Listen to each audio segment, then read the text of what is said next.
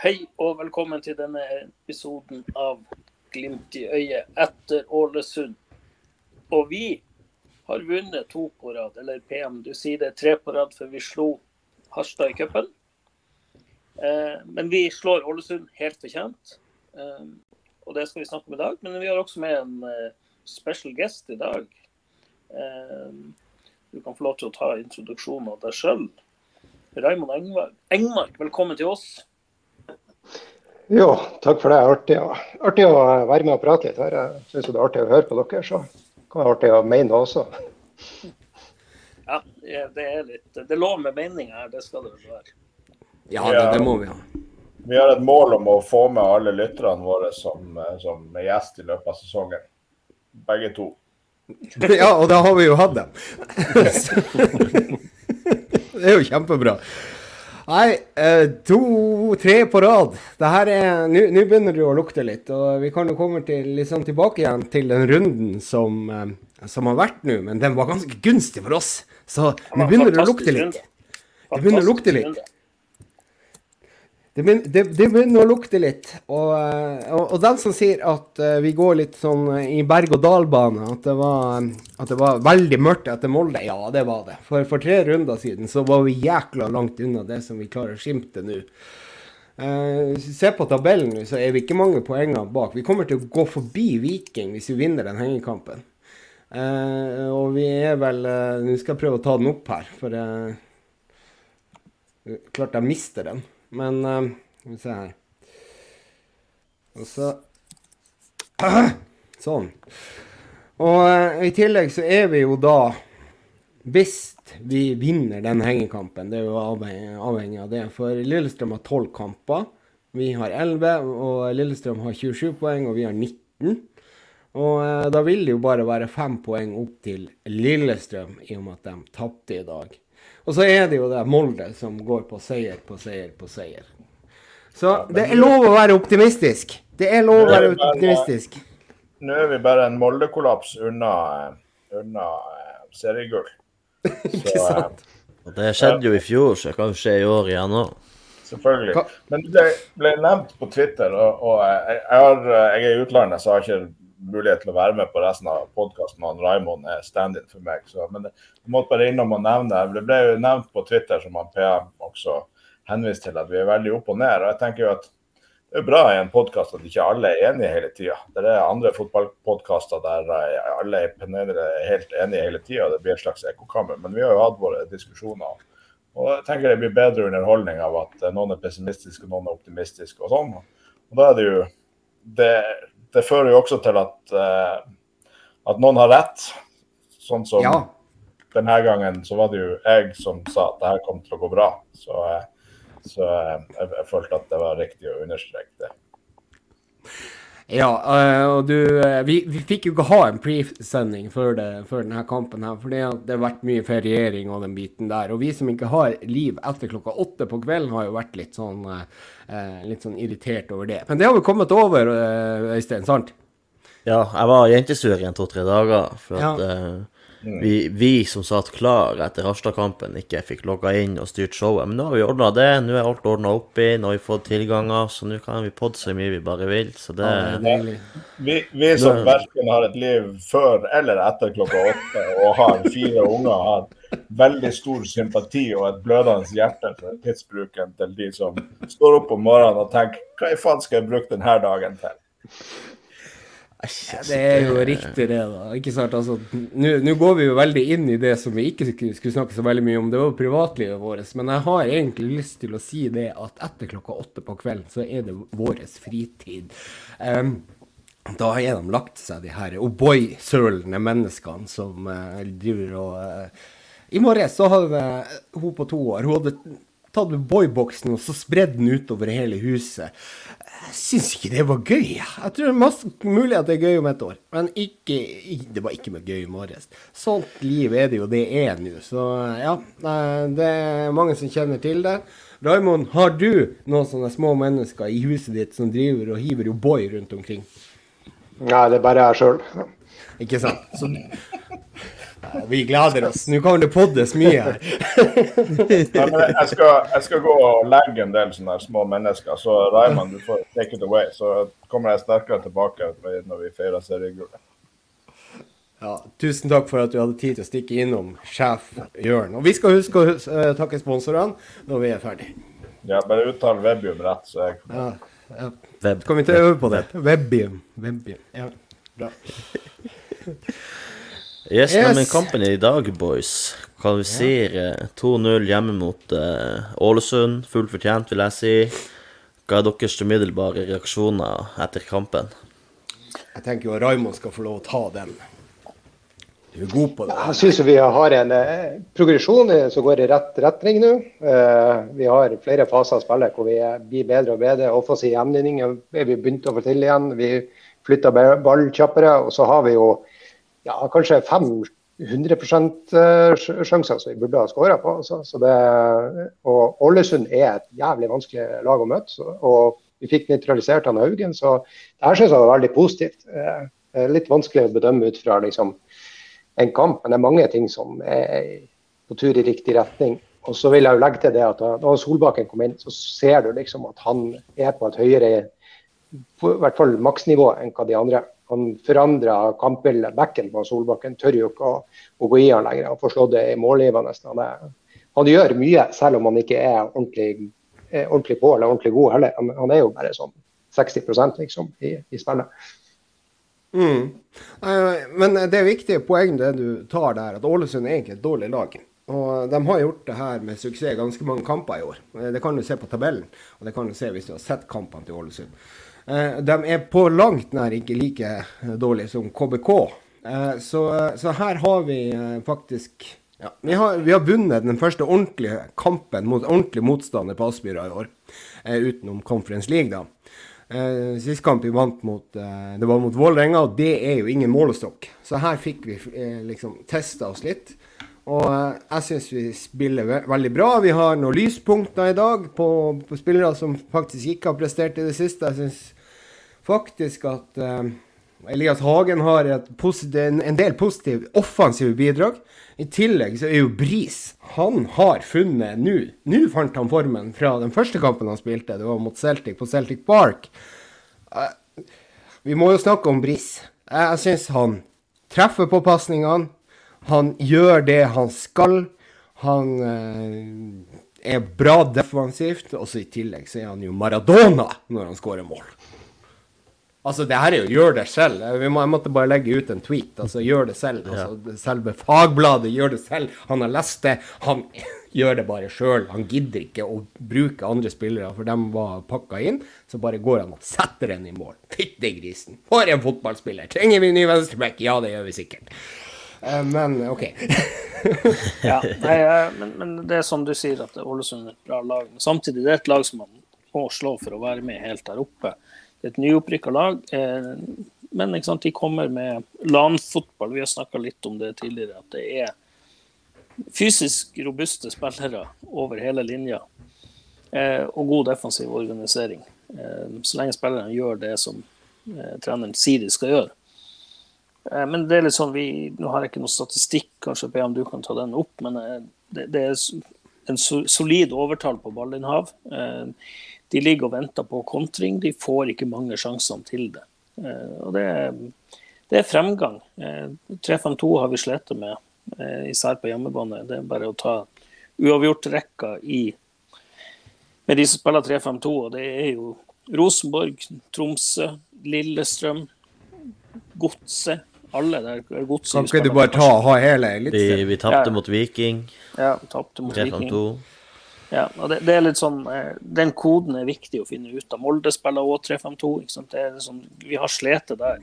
Ja, men jeg tror ikke det er så viktig med det 3-5-2. Jeg tror det har litt med hvordan Glimt har fremstått. Eh, og eh, det Ja, som Raymond også nevner om det høye presspillet, som fungerer veldig bra mot KBK, veldig bra mot Harstad. Og til en viss grad syns jeg det fungerte bra i dag òg, men ikke helt 100% Men det var jo fordi at Ålesund la seg så langt bakpå at de ikke hadde ballen, i, i hvert fall i første omgang. Jeg ser VG operere med tall på 60-40. Jeg vet ikke om det kan stemme eh, i ballinnehav til Glimt. Er det noen som rekker opp hånda og sier at det her er åpenbart feil? Nei, det, det, det jeg er rett. Uh, jeg så vi hadde 67% eller noe sånt i første omgangen, men jeg tror Ålesund andre omgangen ble litt mer åpen etter at vi fikk, fikk målet vårt. så, så 60-40 kan, kan, være riktig, det. Mm. Så, men um, Så det er én spiller som som ikke er helt i skoen ennå, det er jo Ulrik Saltnes. Så der har vi jo snakka om at han har vært litt sjuk og sånne ting. Og der, altså Ulrik hadde jo hatt de to siste eliteseriekampene, så kunne han jo hatt fire mål uten problemer hvis han hadde vært i skoen. Jeg vet ikke, skal vi Hvis vi ser på den headinga Han, kommer gjennom der, og så header han på Grytebust. Er det jeg som er kritisk til Ulrik, eller er det rett og slett at, at Grytebust gjør en kanonredning der? Altså, det, det, er litt begge deler. Altså, ja. Grytebust gjør en god jobb i at han, han tar vel ett steg til sida, så får han opp hendene. Men jeg også tenkte at uh, Ulrik uh, Ulrik hadde ganske sånn rett på, eller rett ved Grytebust. Altså, det, det, det, det, er vanskelig når det kommer så rett på, men, men, det er mulig å legge den lengre ut til sida, og da, da, er det mål. Og også i første omgangen, uh, jeg kommenterte det vel når, når han er alene. Ja så skyter han, eh, prøver han å skyte litt bredt, men den er, ballen går ikke så langt ut i sida i målet. Og så er den langs bakken. Og det første jeg skrev da, var bare Ulrik, legg den opp. For keeper går alltid ned og gjør seg så, så brei som han kan. Og, og, det er jo venstrefoten til Grytebust som redder den. Løfter mm. du den ballen 20-30 cent opp fra bakken, så går den i mål. Fordi at han har lagt seg ned og gjør seg så bred han kan. Ja, men da, da, vil jeg jo egentlig gå Går det litt på selvtilliten? Er det ikke sant? Altså, Ulrik setter de der eh, når han er i form. Eh, han setter ja, og, alle de men, sjansene han har hatt i det siste. Ja, men du ser også Pellegrino. altså han, eh, han eh, Og det er Asbjørn Myhre som var kommentator i dag. Sier jo det i første omgangen der at uh, der kan man egentlig sette hus, bil og hytte og båt og alt sammen på at Pellegrino skåra fra, fra skrå vinkel i, i femmeteren der. Og, men han setter den utafor. Så, så ja, det, vi, vi, kunne fort hatt mange flere mål i dag, hadde vært litt mer klinisk. Ja, altså, Bare en annen ting på statistikk. der VG opererer med 6-4 i uh, målsjanser til Glimt. Du klarer ikke å huske de fire sjansene til Ålesund. Er det, det er én der hvor Haiken må ut i full strekk? Altså, ja. Altså, ja. Du har vel to i første omgang. Ja, ja, stemmer. Ja, det. så kom vel Haugen også fri to ganger eller noe sånt på løp. De, ja, da er de to, to gangene han Marius Høybråten bomma på, på heading. Eh, ja. Og så stikker de inn bak ryggen på han. Og så Kallevåg i stolpen på slutten, sant Raymond? Ja. ja. Ja, men da er det fire. Stemmer. Da har VG vært på jobb. Da stoler jeg på 60-40 også, da. Men um, uh, hva dere tenker liksom nå denne kampen, da, er det, er det fortsatt eh, Begynner vi å nærme oss 2021? Hva du tenker Raymond, om det? Nei, det gjør vi ikke. Men uh, vi er på rett vei, og det er det viktigste. Med den uh, starten av det her året vi har hatt, så er det det som er det viktigste. At vi har en progresjon. Og hvis den progresjonen blir, i positiv retning kamp for kamp, så trenger det ikke gå så lang tid før vi er der. Og, og særlig tatt i betraktning at han uh, han, eh, Solbakken er tilbake. og så eh, jeg vet ikke, Det er vel ingen av de andre som egentlig er på tur inn her nå. og Så er det jo litt sånn spørsmålstegn rundt det her med Boniface versus eh, Espejord og, og de her tingene her. da. Ja. Så, det er jo, det er jo en jækla interessant diskusjon. Hva du tenker der, da? Jeg, jeg kan jo si det, at jeg er 100 Boniface akkurat nå. Akkurat nå syns jeg rett at Boniface spiller, ja. Ja, for det, du har så mange, mye mer muligheter med Boniface. Han tar imot ballen, eh, han klarer å holde på den. Han har teknikk til det. Det har han jo for så vidt Espejord også. Men han har denne X-faktoren i, i, forhold til at han, han faktisk er frem og henter den. Og det har jo ikke Espejord vært. Han har ikke vært mulighet det, Du kan ikke kunne spilt oppå han, for han har ikke kunnet ta den imot. Så, eh, så der tror Men du jeg ser, du ser også ja minuset med at han er og henter ballen. Der får du egentlig se på det. Han Bryce han drar seg forbi og slår et godt legg med langs bakken med venstrefoten. Det var i midten andre omgangen. Eh, og da har han Boniface vært nede og møtt og lagt igjen, men ikke kommet seg i boks. Og da har vi ingen i boks som angriper den ballen der. Så da går han bare tvers gjennom det er ingen sin nærheten. Så det er også Ja. et problem du får med at han er, er litt for kåt på å komme seg hjem og, og hente ball. og eh, Jeg vet ikke om det er meninga at han skal være så langt ned som han er til tider. Nei, det er jo akkurat det som er spørsmålet. Hva dere tror om det? da? Hva du tror om det, Bjørn Einar? Jeg tror nok det er Knutsen bruker Boniface av ulike grunner. Men en av grunnene er nettopp det at han, han kan dra stopperne litt mer på løpetur, sånn at det kan bli rom for, for Muka. da. Eh, I første omgang nå gjør ikke Muka en kjempekamp eh, den omgangen der, men, men også når Solbakken kommer inn, så får du et helt annet eh, trusselbilde. Det det blir jo spennende de neste to kampene. Det er faktisk den kampen som går nå. Vi skal møte de to motstanderne egentlig på rappen. Først er det en runde i cupen, og så er det på neste søndag borte mot eh, Odd. Ja. Og det, det er jo litt sånn Nei, det er vel faktisk lørdag, ikke det? Andre, må jeg se i kalenderen.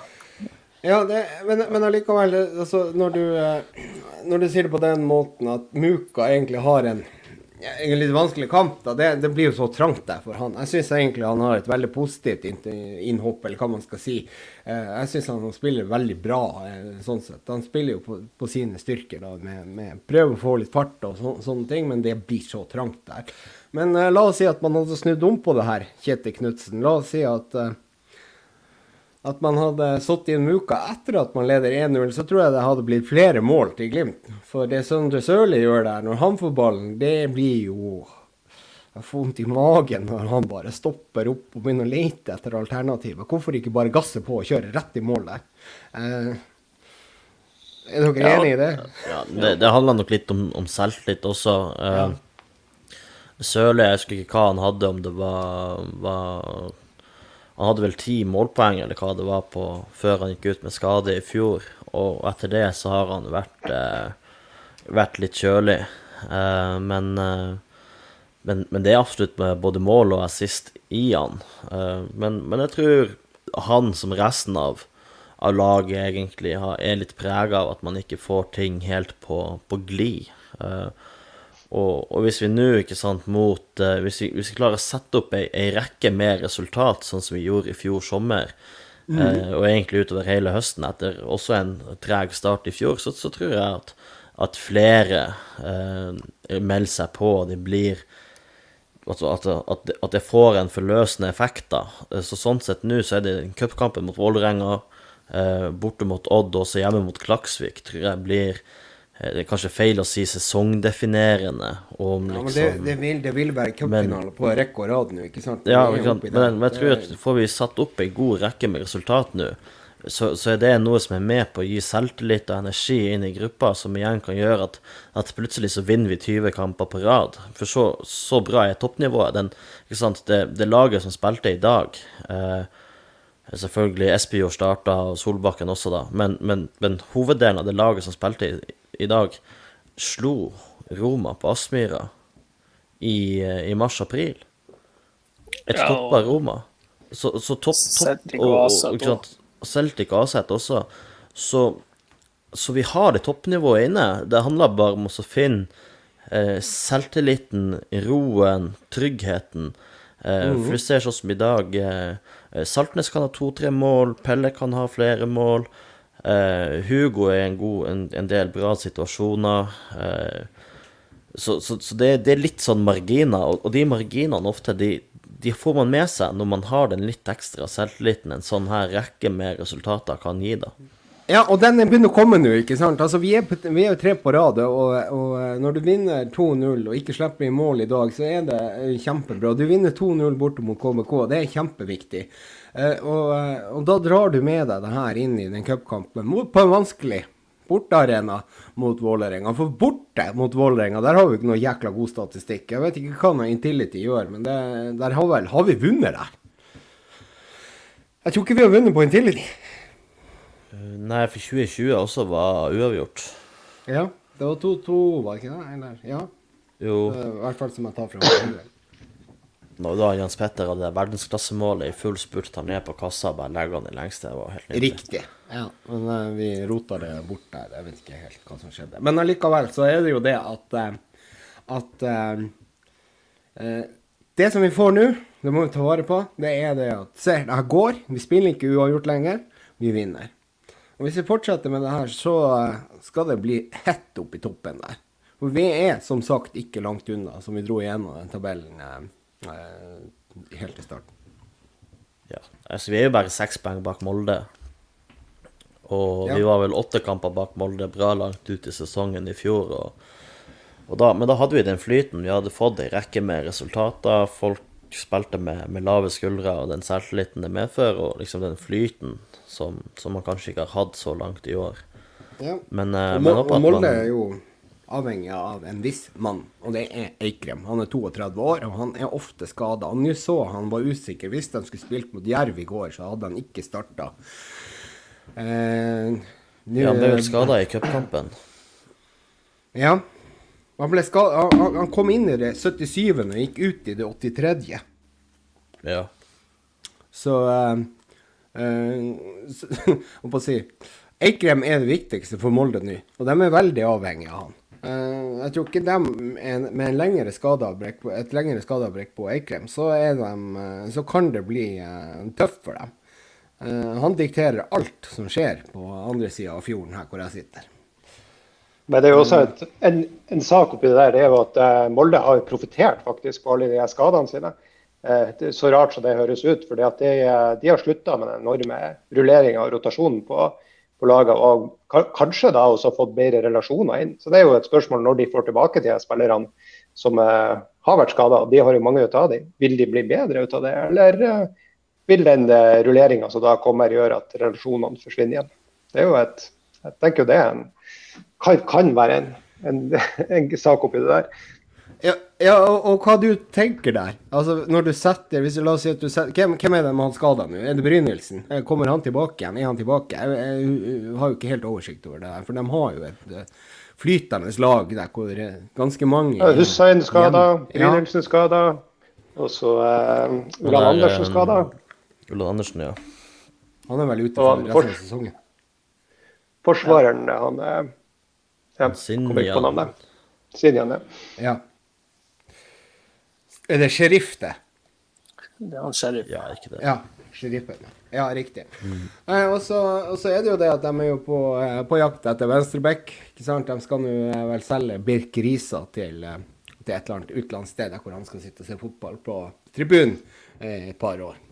Så, eh, så det er jo eh, og, og der har jo de gitt konkurranse da med, til Glimt med, med Mæta på Ålesund. Hva dere sier om han i dag, forresten? Det er en spiller som vi skal ha. Fikk ikke, fikk ikke se han så mye offensivt, da. Nei, Han hadde et par så- innleggsposisjonsmuligheter, eller han faktisk et par innlegg som var, det var i hvert fall ett av de som var greit farlig. Ja.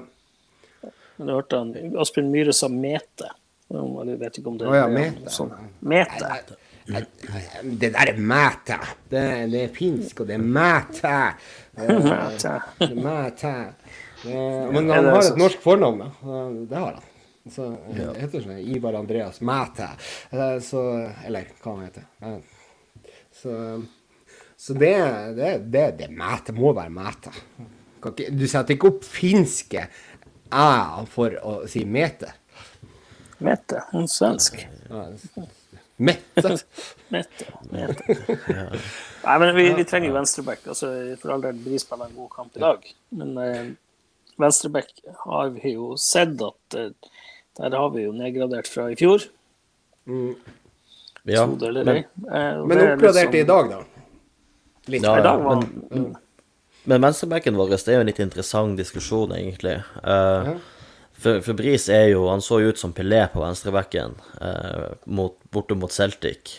Eh, og etter det så har han ikke visst det så mye før han eh, Før i dag så gjør han et raid igjen og drar av en tre-fire mann og setter den i lengste. Eh, hva dere tror om han på høyre når Samstedet drar etter sesongen? Eh, vil det Altså, han, han er jo mer naturlig, selvfølgelig, som høyrefota, spiller høyre back hele tida, eller ja, Et annet spørsmål er kanskje hvor hemma er han av å spille på feil side, tror dere? Jeg jeg har litt lyst til å svare på det. Jeg tror ikke at han i bunn og grunn er så veldig hemma av det. Eh, han har blitt satt, utsatt for et litt kanskje tøft press fra motstanderen. Du hørte jo Rosenborg sa det at eh, når de slapp ned innsiden av garderoben, de skulle ta han fordi at han alltid må slå, slå pasning med høyrefoten og vende inn. Eh, men hvis vi husker tilbake til den episoden vi hadde med SF-podden, der så sa han det at med Bris, så enten så får du Pelé, eller så får du noen som ikke ligner grisen. Som ikke klarer å gjøre noen ting. Det er enten-eller. Og han er kanskje litt sånn humørspiller. Stort potensial, men jeg syns også at han har virka litt sånn rotete til nå. Eh, han kan være verdensklasse, eller han kan være Hesa-nivå. Ja, det, det, og, da er det jo liksom sant, altså Hvis du kommer inn i, i Glimt-miljøet og trener seriøst, og så hvis du får det på plass det her som de har snakka om, at den kulturen må på plass, Glimt-DNA-et og den biten der som Kjetil har eh, mana frem nå. Og Det ser jo ut som at det har funka. Og hvis du eventuelt får trent og spist og gjort en, lever som en toppidrettsutøver, så kan det jo være at det her faller på plass, og at du leverer Pelé hver eneste kamp. Eh, og da vil jo det sikkert funke også på høyrebekken, hvis eventuelt Samsted skulle dra. Eh, eller når han drar. Det, det, er vel ikke noe sjanse for at han blir sånn sett. Han ønsker vel å eh, fullføre sesongen her og gå free agent i januar. Eh, det er vel det som blir å skje. Mm. Men hva du Men, eh, tenker Raymond om akkurat det der med, med høyre og Nei, altså, på brace? Ja, altså når han kommer opp på høyresida, så kommer han til å bli bedre. Fordi han vil få en bedre kroppsstilling, han vil få bedre pasningsvinkel med, med, å bruke høyrefoten sin. Eh, han trenger færre touch for å ta med seg ballen. Han kan eh, justere kroppen bedre opp mot keeper for å ta den med seg. Det er veldig mange fordeler med å få, få han over på høyresida. Men jeg tror ikke han kommer til å bli eh, eh veldig mye bedre som følge av det. For at han du ser det på relasjonen til han Saltnes og han Pellegrino og til dels han Hagen òg. At han, han, er ikke eh, Han utmerker ikke seg på det relasjonelle. Mm, ja. Mm. Men eh, så, så, er det jo et, et evigvarende så, så, Det har vi mast om litt. Jeg og Øystein hadde jo en diskusjon om Hagen sist. Eh, og eh, i dag så, så, ser du at Hagen er litt sånn som han var mot Harstad. At han tør å utfordre litt mer. Han gjør ikke sånn som han gjorde mot Harstad. Det gjorde han ikke. Men uh, allikevel så, så, er det litt mer bidra, Han bidrar litt mer offensivt. Han blir kanskje heller ikke markert helt ut som han normalt sett blir. Uh, hva du tenker om Hagen sin innsats hittil i år? Så kan du jo ta dagens kamp òg, hvis du har lyst. Uh, du spør meg, da, eller? Ja. Du må jo ha gjesten. Nei, altså Ja, jeg er jo jeg er jo ikke den største Hagen-fan, det, det, trenger jeg vel ikke å stikke under en stol. Men i dag syns jeg han har gjort en av sine bedre kamper i det siste, eller i, i tippeligaen i år, kan du si. Mm. Så, eh, men det er jo også litt sånn hvordan arbeidsforhold får han. Jeg syns han får litt mer tid og rom i dag. Men han har også litt høyere selvtillit, ser det ut som. Det gjør det. Eh, så, eh, så det også han er i riktig retning. Men jeg mener jo fremdeles at når vi kommer vi skal nå gå inn og kvalifisere oss til Europa snart, og da, da, øker nivået ganske kjapt. Og skal vi være på det nivået vi var i fjor, og, og ha et eh, altså, sentral midtbane, det som binder alt sammen i Glimt. Ja. Og Da trenger han å utvikle seg veldig raskt. og Det syns jeg hørte, høres litt brutalt ut at han skal få det til. Ja, men men, dag så syns jeg, jeg synes jeg, eh, når vi leder 1-0, så får han ekstremt gode arbeidsforhold. En av de tingene han gjør bra i dag, er at han kan eh, slippe ballen til stopper, og så ta et løp forbi sin oppasser. Um, og det gjorde han flere ganger, liksom, eller, eller, til indreløperen. At han skaper et rom, og det, da er han rettvendt når han får ballen. Kan forsere. Så er det sånn at det, du ser fortsatt at det savner litt på det relasjonelle fremme hos Glimt. Og det er jo kanskje det som Derfor vi bare skåra to, holdt jeg på å si. Men, men jeg syns han gjør en bedre eh,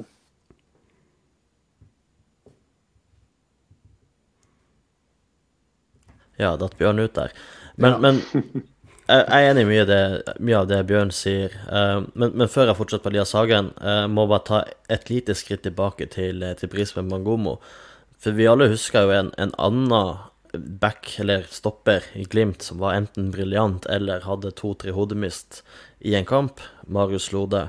Når han fikk luka det bort For det var jo ofte vi satt med hjerteinfarkt på tribuner, så Marius Lode Kål det til.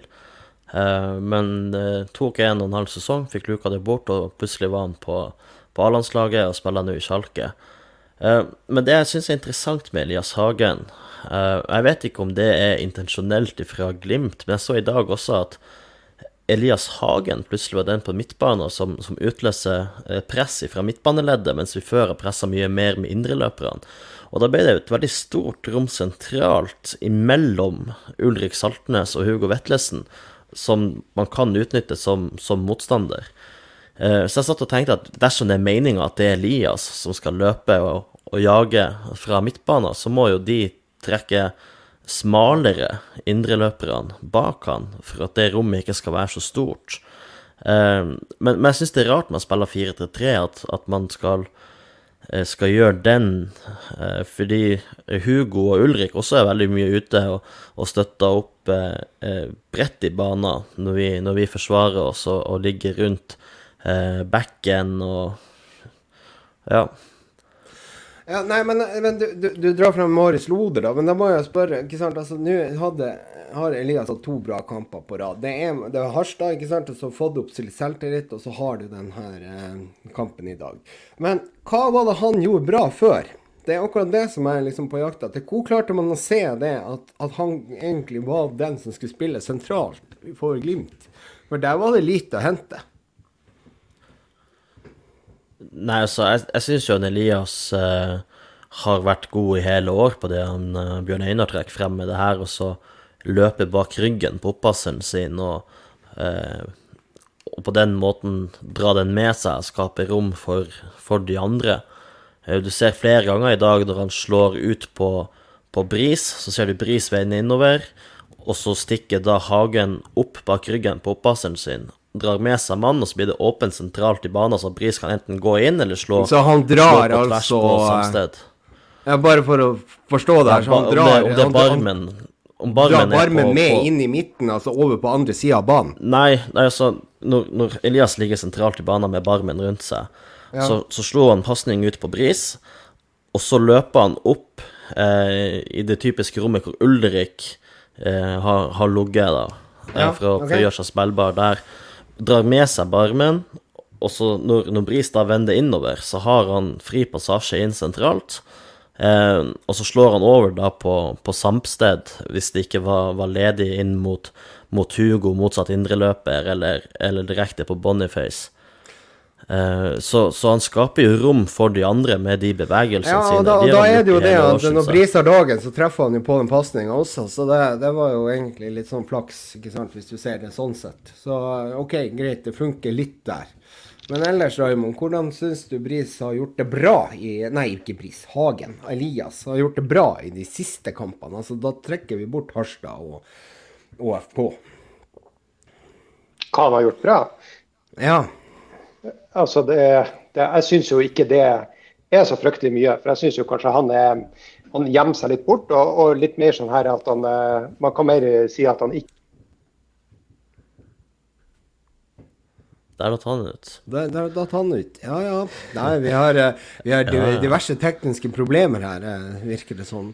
Men allikevel, mm. men, tror men jeg er jo enig i premisset på at han ja. gjemmer seg bort hele tida. Uh, ja, jeg... Og det og det er jo Jeg husker ikke når eller hvilken kamp det var, men, men, det er sånn Det ser ut som at Elias er, er, er gjemt eh, eller er markert ut, eller sånt, men så, så gjør han et løp eh, inn bak ryggen på sin, så har Samsted mulighet til å slå Elias. Eh, da jeg har en video av det. Jeg har sittet og kjefta ja, ja. på folk. Og, men, men, men det, jeg kan være enig i at han binder to mann på midten, men allikevel så klarer ikke Glimt å gjøre noe ut av det. Men det er jo fordi at den pasninga eventuelt fra Bris har vært for dårlig. Så du kan jo si det sånn at Hagen fremstår litt dårlig, har jo vært at pasningskvaliteten på lagkompisene sine hans har vært for dårlig. Ikke sant? At de ikke har blitt truffet. Ja. ikke sant? Når, når, Hagen eventuelt åpner, seg, åpner, rom for andre, så blir ikke den pasninga slått riktig, eller eventuelt i, uh, uh, i rett uh, Ja, og, og det er en dimensjon også med at. Lode er borte. Du ser Det er mange ganger i, i dag, også tidligere i sesongen, jeg skulle ønske at både Høybråten og Mo var tøffere å slå pasninger opp gjennom ledd langs bakken, og ikke bare over ledd.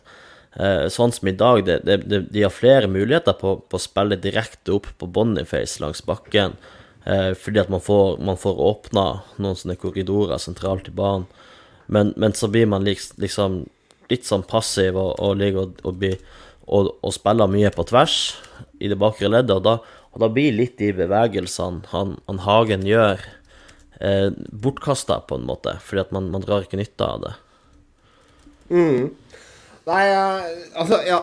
Men eh, allikevel så får vi håpe det at den her eh, håper å si eh, endringa i Glimts treningsfilosofi osv. vil løse ganske mange av de utfordringene vi har hatt i, høst, eh, i vårsesongen. Og eh, at vi flyter på den selvtilliten som vi har, og at Hagen tar sine steg.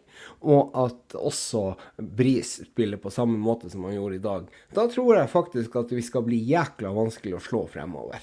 Og da kan vi igjen begynne å kikke oppover på den tabellen, og ikke begynne å kikke nedover. Og da er det plutselig så er vi inne der igjen.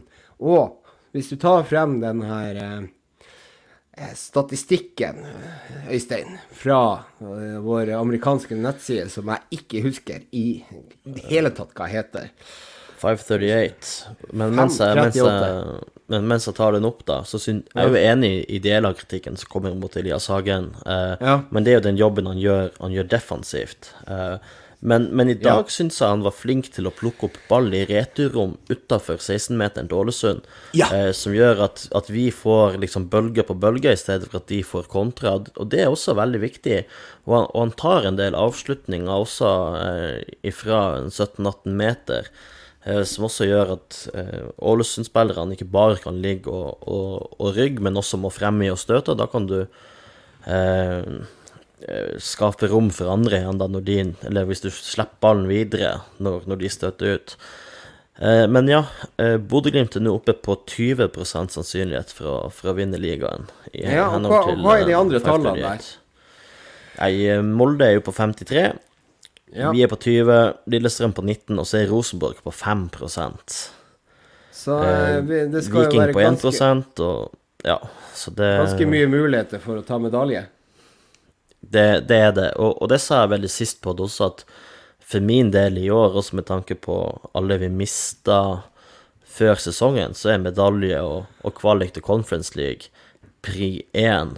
Eh, og for det handler litt også om å stikke fingeren i jorda og, og liksom Kan ikke forvente seriegull i år, men selvfølgelig, det er jo det man håper på. Ja. Nei, men det, det Jeg må ta frem en liten frase fra de minste i familien, som har lært meg en sang, og den er sånn. Vi skal finne gull, vi skal finne gull. Nå er det slutt på tøys og tull. Vi skal finne gull. Så da får vi bare gjøre det, da. Altså, medalje kommer til å være bra. Det, det gjør det. Nå ble du litt stille, Øystein.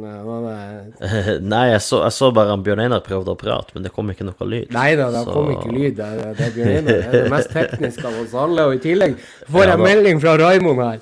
Da skjedde det noe som aldri har skjedd før. Telefonen ble overoppheta og slo seg av. Snakk om sommerdag! Ja, det har faktisk skjedd meg også en gang. Ja, ja. Det er sånn, kommer opp på, på telefonen. eh, Phone is too hot cool down before you can use it, eller noe sånt. Det, det er jo meldt 30 grader på tirsdag, så for de av oss som har, eh, har ferie og be, befinner oss i Nord-Norge, så er det bare å, å gå på pub idet de åpner uteserveringene, og bare sitte og steike en hel dag. Bodø-Napa. Det er bare å njute. Ja da. Men, men vi kan jo se litt i bunnen også på den eh, 538-tabellen. Eh, For jeg ser Jerv er jo på 89 på nedrykk. Kristiansund på 75. Og så er det jo en her Molde på Nei, Tromsø er på, på 17% på nedrykk, og Odd er på 23. Men sånn som Vålerenga har så lite som 7% på, på direkte nedrykk, da. Ja. Men jeg syns ikke det er Hvis du ser på tabellen i dag, jeg syns ikke det er sånn Hvis, hvis de ikke Hvis det ikke skjer noe drastisk med Vålerenga, Og så kan de også plutselig ligge helt der nede og, og rykke direkte ned. For Ja, de har bare tolv poeng på tolv kamper. Det er jo bare det at, eh, at, at eh, Jerv og, eh, og KBK virker jo enda svakere. Jo, jo, men Jerv har to hengekamper på Ålerenga og er bare fem poeng bak. Ja, men da er det jo det at Har vi troa på at Jerv vinner noen av de kampene? Nei, det har jeg jo ikke. Men, Nei, ikke sant? ja, ja, ja, sånn sett. Men, men at Vålerenga eller Odd plutselig må ut i kvalik, det er ikke utenkelig. Nei, Og det er ikke utenkelig. Det, det Vi kjenner jo til Odd sin, sin statistikk i kvalika. Der tror jeg vi har fått eh, Bjørn, Bjørn Einar tilbake igjen. Ja. Eh, Velkommen tilbake igjen i studio. Ja. Eh, Raymond har mista Jeg har- fått overoppheta telefon, og du har også vært ute der, så jeg og Øystein har bare Vi har vært Ja, jeg satt jo og veldig prata til meg sjøl her, så det, jo, det var jo koselig det. Det var i hvert fall ingen som sa imot meg eller snakka i munnen, men det er jo sånn. Men eh, en, en ting når det kommer til Elias, bare sånn der jeg, der jeg datt ut eh, OK, vi er der ennå. Ja, men, men det er litt sånn Jeg må huske på det at det stopp, stopperparet i fjor, eller når du hadde Lode der, så er det sånn at han tok også mye mer risiko, uten at det nødvendigvis var så mye mer risiko som kunne hjelpe på for den sentrale midtbanespilleren eh, i å avlaste i det å dirigere. Ikke sant? Det er klart Når du har en stopper som også setter fart, ikke sant? da er det jo bare å holde, holde igjen. og det er sånn, det er klart, eh, Patrick Berg var jo ekstremt god til å vinne ballen, som vi har snakka om, tilbake. Ikke sant? Det er klart, Men det var jo ofte med, med en viss trygghet at han, han og Brede Mo kunne stå der, fordi at når Lode tok de løpene. Eh, det er klart Når du har en Brede Mo på sida, det, det er ganske betryggende. Hvis at du får en enslig Ja. spiss som skal gjøre kontring imot. Eh, og det er litt sånn som jeg har savna litt i år, er det at stopperne tar litt risiko, eh, kalkulert risiko, med å ta ballen, føre ballen frem og ta initiativ for å skape overtall. Forsere ledd. Ja, nei, men det var, det var også det som vi snakka om tidligere. Det er jo det altså at Patrick Berg eh, betalte jo tilbake igjen til Lode og, eh, og eh, Høybråten, som mest som spilte da. Så, eh, så da eh, I form av sitt defensive arbeid. Og der har ikke Hagen vært på topp. Nei, men det er det hele laget som har jo ikke fungert. Det, det, er jo, har jo vært mye, mye kål. Ja, rett og slett. nei, det, så, Det- så det har vi nå egentlig Altså hvis vi, hvis vi klarer å få eh, guttene på plass igjen, for- formmessig og på uh, tankemessig, så tror jeg det her kan løse seg på en ganske OK måte i, på høsten. Men så er det et overgangsvindu. Skal vi ta det overgangsvinduet før vi tar den andre, den, resten av runden? Ja, vi, vi må ta det. Det, det er jo Ja. kommet eh, store nyheter fra Trondheim, er ikke Ja. det? Faye Lund. Er, er, er han, ja, har han noen danske aner, han? Feil? Har han det? Eller er det Faye som i Vardø? Faye, Faye. Eh, var ikke det en, en eh, ganske OK fotballspiller fra Alta? Ikke det, var ikke det, det vet jeg jo. Han var jo helt Det, det vet ikke vi. Ja, nei, det, han var, det var verdens beste fotballspiller fra Alta. Det, det var, der hadde du tyngdepunktet, der hadde du alt. At ikke han fikk flere kamper for, eh, eller fikk landslagskamper, det forstår ingen i Alta. Men det var ikke han vi skulle hente. Det var Faye Lund, keeper. Keeper. Andrekeeperen til Rosenborg. han Eh, og, og da er jeg litt usikker på hva egentlig Glimt tenker her. Er Jeg har, svaret på det. Han skal være andre keeper ut sesongen. Når Nikita går gratis, så er Faye Lund førstekeeper neste sesong. Da har han Ja. fått et halvt år med han Super-Jonas på trening. Lært seg at man skal ha ekstra small shorts, ekstra medium eh, drakt. Det, det blir, blir Ja, magisk. Det, det blir kanskje magisk. Hva eh, Altså, det som jeg tenker, det er jo det at kanskje Fay Lund er- kommer inn som å være andrekeeper bak Nikita i år, men spørsmålet er skal han Spørsmål to er jo det om han blir førstekeeper da i 2022-23-sesongen, hvis vi skal si det sånn. eh, Eller den uh, europacupsesongen som vi skal inn i, for det skal vi jo. Ja, jeg tror han blir det. det, er jo det spørsmålet, for Glimt har jo eh, Det er jo åpenbart at de er på keeperjakt, og det kan jo være det at det tilbudet på forespørselen på han Smiths. Eh, Nå dro jo han i dag, eller i går. Eh, tok sin hatt og dro. Klarte ikke helt å slå helt igjennom i Glimt. Så spørsmålet der er jo at Vi har jo vært på jakt etter eh, Valsted i Odd. Eh, han har det vel vært konkret interesse for og kontakt med klubb. Eh, jeg hadde jo håpa de skulle hente Egil Sedvik. Jeg syns han er en eh, vel så spennende keeper som Faye Lund. Han er kanskje litt, til og med litt bedre rekkevidde. Han er vel litt større fysisk, uten at jeg skal si noe Er det noen som vet hvor, ja, hvor god han er han med beina? Det er jo det som er viktig. her. Altså, han har jo spilt i Mjøndalen. Det, der, der har han jo fått beskjed om å spille Route 1 uansett. Ja. Men hva, hva du eh, Der er Raymond tilbake igjen nå. Overoppheta Ja, telefon. Ja, jeg ble jo sensurert av det store internett da jeg begynte å prate om han Hagen. Så jeg vet ikke ja, ja, ja. Så- der, der, der kom uh, Frode Thomassen, som har vært inne og stoppa sendinga her. Eller Men eh, greit. Eh, vi, er, vi er kommet over til Fay Lund og eh, muligens potensiell Glimt-keeper, andrekeeper ut året. Og så er det da spørsmålet eh, hvis, hvis det her er så nært at det er den deal, eh, om han blir førstekeeper neste år. Ryktene sier jo at han allerede er i, i Bodø. Mhm. Så, uh, og da går det sterkt ut ifra at han, han kommer ikke til Bodø for å spille andrekeeper eh, enda mer. Så han kommer sikkert til å ta opp konkurransen fra første dag, men garantert være førstekeeper fra, eh, fra nyttår. Altså. Ja, og Hva tenker du om akkurat det? Er, er det en vel god erstatter for haiken? Jeg hørte dere sa det her med hvordan det er med beina. Det er jeg òg kjempenysgjerrig på. For Ja. Jeg la jo merke til at i Mjøndalen så brukte han jo ikke beina på den måten vi ønska. Men eh, så, som det ble sagt, så er det jo ikke det, det de driver på med i Mjøndalen. Så hvem, hvem vet egentlig? Nei, det er Som, akkurat det som som er. skuddstopper, Ja. så som skuddstopper, altså, som ren keeper, altså defensivt, så er han jo eh, ja, er han kanskje den neste landslagskeeperen. Og han er dritgod. Ja, og da er det jo egentlig litt sånn Altså, det som jeg tenkte på, det var jo det at eh, Jeg har en følelse av Glimt er å søke etter enda mer keepere. At de kanskje er på jakt etter et høyere nivå enn Fay Lund. Eh, ja, for å spe på. Altså at Pai Lund fortsatt eventuelt blir andrekeeper i 2023, hvis han fortsetter i Glimt. For det var vel snakk om en ettårskontrakt, var ikke det? Er er det er det, det Har jeg rota der? Eller er det ettårskontrakt eh, det var forespeila her? Eller halvt år ut sesongen? Jeg har bare Han er jo bare 23 Han, er- år. han, er jo han er jo ennå i Rosenborg eh, Ja. ut sesongen. Så at han skulle si halvårskontrakt med han Haiken ennå i Glimt, det, det hørtes veldig rart ut for meg i hvert fall. Ja. Eh, og og jeg tror jo han vil til en klubb som der han blir satsa på.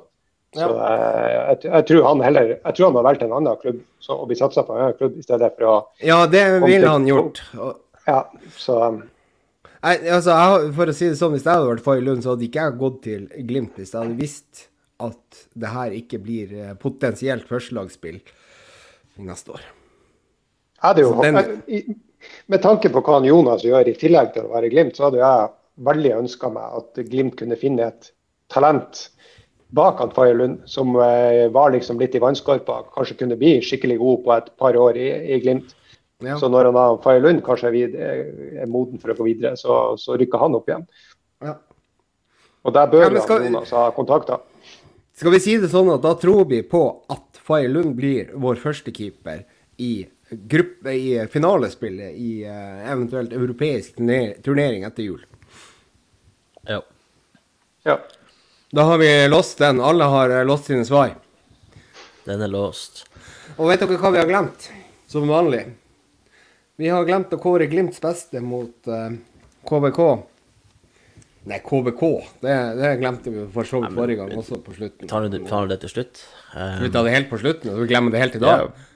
Nei, men, Ja. nei, men vi er jo så godt inne på overgangsvinduet og Ja, ja, spekulasjoner og rykterier og OK. så, men, men jeg er jo enig i dere som, som sa i stad at, eh, at venstreback er noe som må, må erstattes eller forsterkes. eh, også litt fordi at det er greit å få spillere inn nå, som man kan drille dem litt på treningsfeltet og sånn, til, til Samsted drar eh, til jul. Eh, men, men, jeg var ikke sånn Selvfølgelig fulgte ikke jeg veldig nøye med på en mæte, men jeg var ikke sånn superimponert i, i dag over og spesielt i andre omgangen så er det veldig mye som skjer på, på Ålesunds venstre side, altså vår høyre side, når, når, Solbakken kommer inn. Og jeg syns også Muka tidvis drar seg, drar seg forbi på, på farta. Eh, Bomma litt på innlegg og sånt, men jeg var ikke sånn, sånn superimponert over over den venstre sida til Ålesund defensivt, det må jeg innrømme. Nei, og da er det jo liksom spørsmålet ikke sant? Molde har gjort seg vært veldig interessert for at de skal selge han Birk Risa. Eh, og så har Glimt vært inne der. Eh, Rosenborg før det. Rosenborg før det, ja, ikke sant. Og den prisen der begynner jo å bli grisehøy. Men eh, en fugl har kvitra meg i øret at hvis Knutsen vil ha venstreback, så skal han få det. Og det vil han ha, og da skal han få det. Han skal få det av kvalitet. Og da er spørsmålet om at Glimt sprenger banken. Men det er ikke sikkert at det blir at de sprenger banken på på uh, mæte, men at de kanskje gjør det på f.eks. Adam Sørensen, som uh, har også dukka opp i, uh, i, enkelte samtaler de siste dagene. Adam Sørensen var jo han venstrebacken som ikke kom i fjor. Ja. ja jeg kan jo ta en sånn litt sånn generell ting med Glimt på det, på det her med overgang. Altså, jeg tror ja. kanskje vi må stikke fingrene i jorda og innse at eh, tida der vi kunne drive og hente Obo-spillere, kanskje er forbi. For at nå må vi, vi må prestere så, altså gjenskape de prestasjonene så raskt. Vi, vi, har ikke råd til å ryke ut av en e-cup og, og, spare oss liksom til fant der. Vi, vi kan gjerne ha samme filosofien, men jeg tror vi må opp ei hylle, rett og slett. Ja, vi må det. Og det hjelper ikke da å hente et talent fra Obo, som allikevel blir ufattelig dyr i forhold til hva han egentlig kan levere. Vi så jo Sigurd Kvile, ikke sant? Nei, ikke Sigurd Kvile, men han venstreback Kongsro. Hva var vi betalt for han? Over en million. Hvor mye leverte han? Han leverte i HamKam da han kom dit. Uh, han var jo vel aldri Fikk vi pengene igjen, da? når vi solgte Gjorde vi det? Fikk vi pengene ja. igjen? Ja. ja uh, det tror jeg ikke vi gjorde på Josh Smiths sies det at vi tapte penger på han. Men det er vel snakk om en overgangssum på én million. Det var bare tipping, da. Men, uh, jo, men det er danskene som er, så er ryktet inne. Altså, jeg tenker Det må være mye bedre å betale eh, ti millioner for noen som ja. er på et nivå der de kan gå rett inn i laget og bidra, om ikke fra første dag, så veldig kjapt, kontra å hente noen fra Obos for fire millioner. Og så tar det ett og et halvt år for de har klart å bidra. Det er det som er litt sånn Det ser vi jo litt har skjedd. og Glimt har bomma på ganske mye overganger de siste to årene. Jeg tror det er litt som de skyter litt mye med hagle. og Det er nødt til, nødt til å bare bite i det sure eplet og begynne å bla opp litt penger. Og så, og så er det jo mer verdt det. De, det er jo mer verdt òg de som har en bedre historikk når de skal selges ja. videre. Absolutt. Det er viktig og, poeng. Og det som er, ikke sant, altså Hvis du tar det som vi bomma på i fjor, så er det jo nesten alt utenom Pellegrino. Konsum var jo ikke noe det var han som skulle være storfisken. Jeg tror nok det var ikke det var han som var storfisken. Kanskje den storfisken glapp i, på Kleppen. Eh, I tillegg så har du Pernambuco, var ikke det? Eh, hvem var det flere som kom inn i fjor høst? Eller i sommervinduet? Det var eh, også han eh, Polak... Nei, han eh, fra Tsjekkia. Og så Ratai. Ratai, ja. ja. Og der var det liksom billige ja, det var jo ikke billig heller. Han her Ratais, hva kan jeg skulle betale for han egentlig? Det var jo eh, en ufattelig sum. Var det ti mil? Hvis de skulle kjøpt han. Og seks mil. Det, Så, det, husker jeg ikke, men uh, ja. han fikk vel ikke spilt noe særlig i det hele det store. Men, men uh, jeg tror ikke vi betalte for han. Uh, jeg tror vi bare lånte han, ikke det? Jo, vi bare lånte han. Ja, ja bra.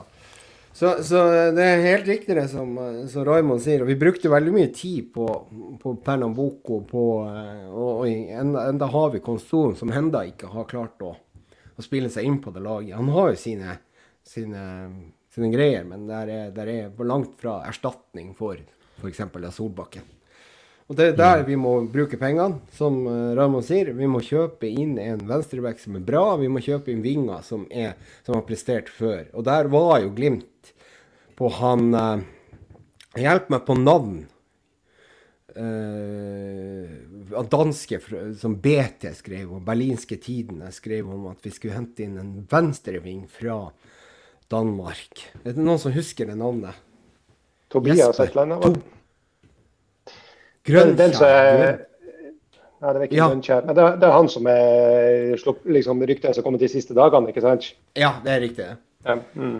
Der er ikke AGF i det hele tatt interessert i å selge. Der, uh, han er gullkalven deres, og det skal ikke Han har en kontrakt som går ut fem, uh, i 2025, og den selger ikke til, til Bodø. Uh, eller til Glimt, da. Så, så, den tror jeg egentlig vi kan legge helt død. Det var så, så, men der hadde jo Glimt da lagt inn et bud på ca. 10 millioner kroner. Eller var det 10 millioner danske? Altså da 14 millioner norske. norske.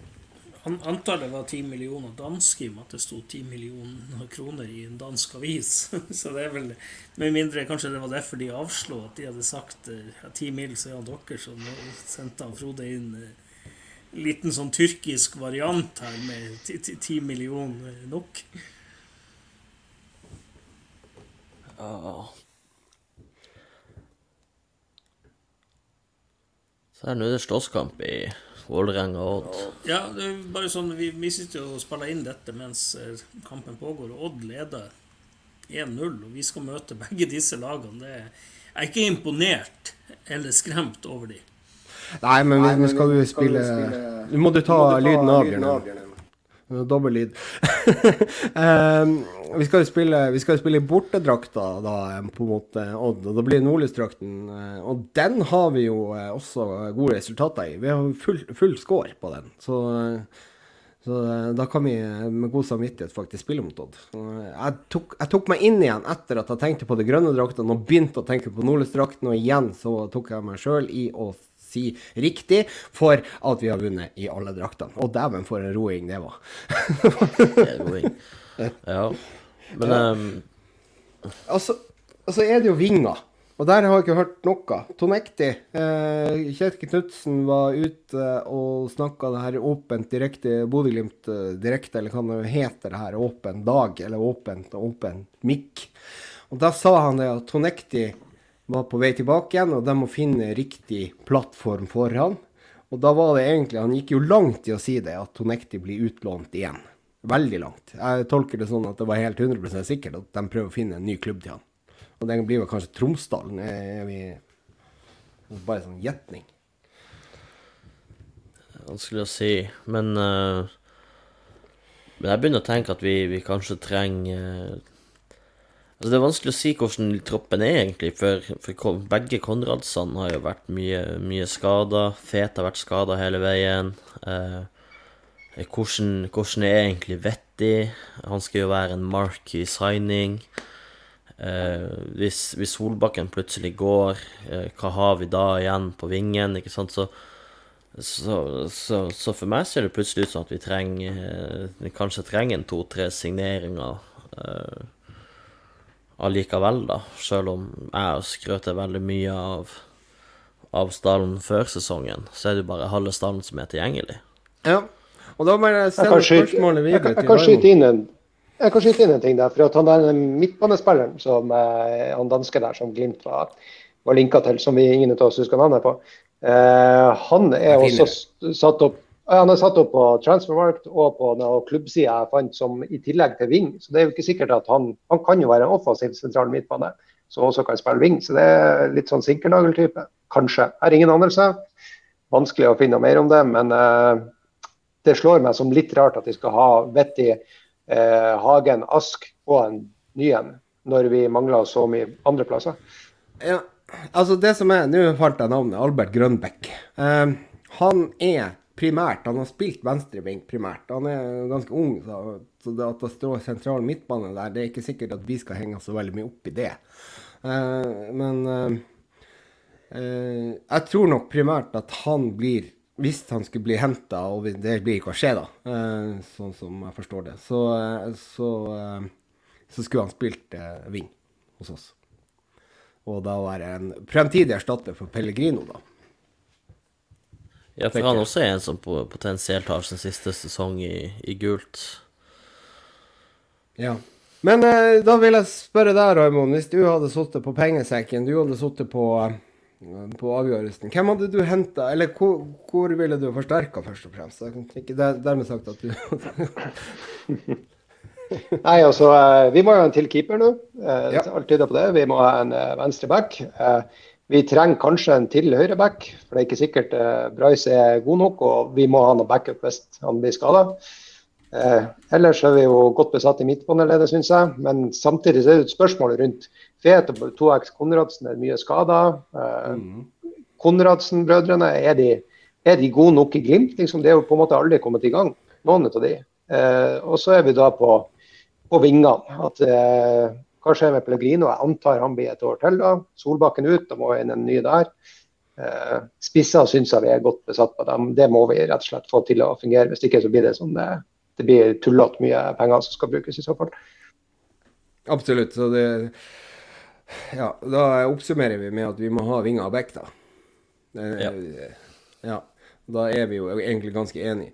Men eh, eh, når det gjelder eh, Nå har jo eh, Boniface Jeg skulle bare sjekke Boniface, for jeg skrev til Raymond at jeg trodde han hadde kontrakt ut 2023, og det var det jeg skulle sjekke før. Så Ja, det ble forlenga. Han ble forlenga, ja. Ja, så den er ut 23 nå. ja. Han hadde, han hadde bare ut 22, mener jeg, og så ble den forlenga med ett år ut 23. Ja, så da, da må vi jo egentlig regne med at Boniface eh, er en spiller som kommer til å ryke ut på salg eh, i løpet av eh, neste sesong. Sånn at man begynner å tenke der også. For det tar jo litt tid å lære seg det her, viser det seg. Eh, det presspillet. Så ja. eh, og Nordås, det vet vi jo ikke om er helt klar. Eh, Men Boniface er jo per definisjon en som kan gå i, i vinter, skal vi ha noe særlig penger for. Mm, og det er jo det som eh, jeg synes liksom at eh, Det kan jo være at han ser det på det ett år. Det var det er jeg er villig til å skrive. Jeg synes det klart, Men det er jo også en gamble med hans skadehistorikk. da. Eh, å kjøre på en, en treårs, der. Men jeg syns ikke han har vist noe som gjør det at kanskje noen klubber på kontinentet tar kontakt enn så lenge. Ja, potensialet er der, uten tvil. Men eh, det mangler fortsatt litt sluttprodukt. Ja, men jeg, tror, jeg tenker det at hvis Boniface på, på spillet så, altså, spiller seg inn i startelven nå og spiller foran Espejord, så vil han jo være da et veldig attraktivt mål når han, han kommer til å sette noen mål. Det kommer han til å gjøre, og det er jo da det begynner å smelle. Så eh, eh, Nå er ikke jeg, ikke jeg sånn opptatt av det salgene, men jeg, jeg, jo u- innf- jeg har jo innfunnet meg i at det må skje. Og da er det jo like greit å begynne å forberede seg på det. Så ja. Men hvem eh, Jo, jo, men- da, Ja. Men da er vi litt sånn på tur på nytt igjen.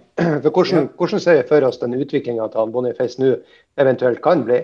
Vi ser jo der han er nå, at eh, han er på tur i riktig retning, men at eh, det er vel få som tror at han kommer til å være komplett i løpet av en måneds tid. Så da er det jo kanskje da at han kommer til å utvikle seg nå frem mot vinteren. Og så får han et par gode kamper i e-cup og skårer noe jævlig bra og kanskje mye mål.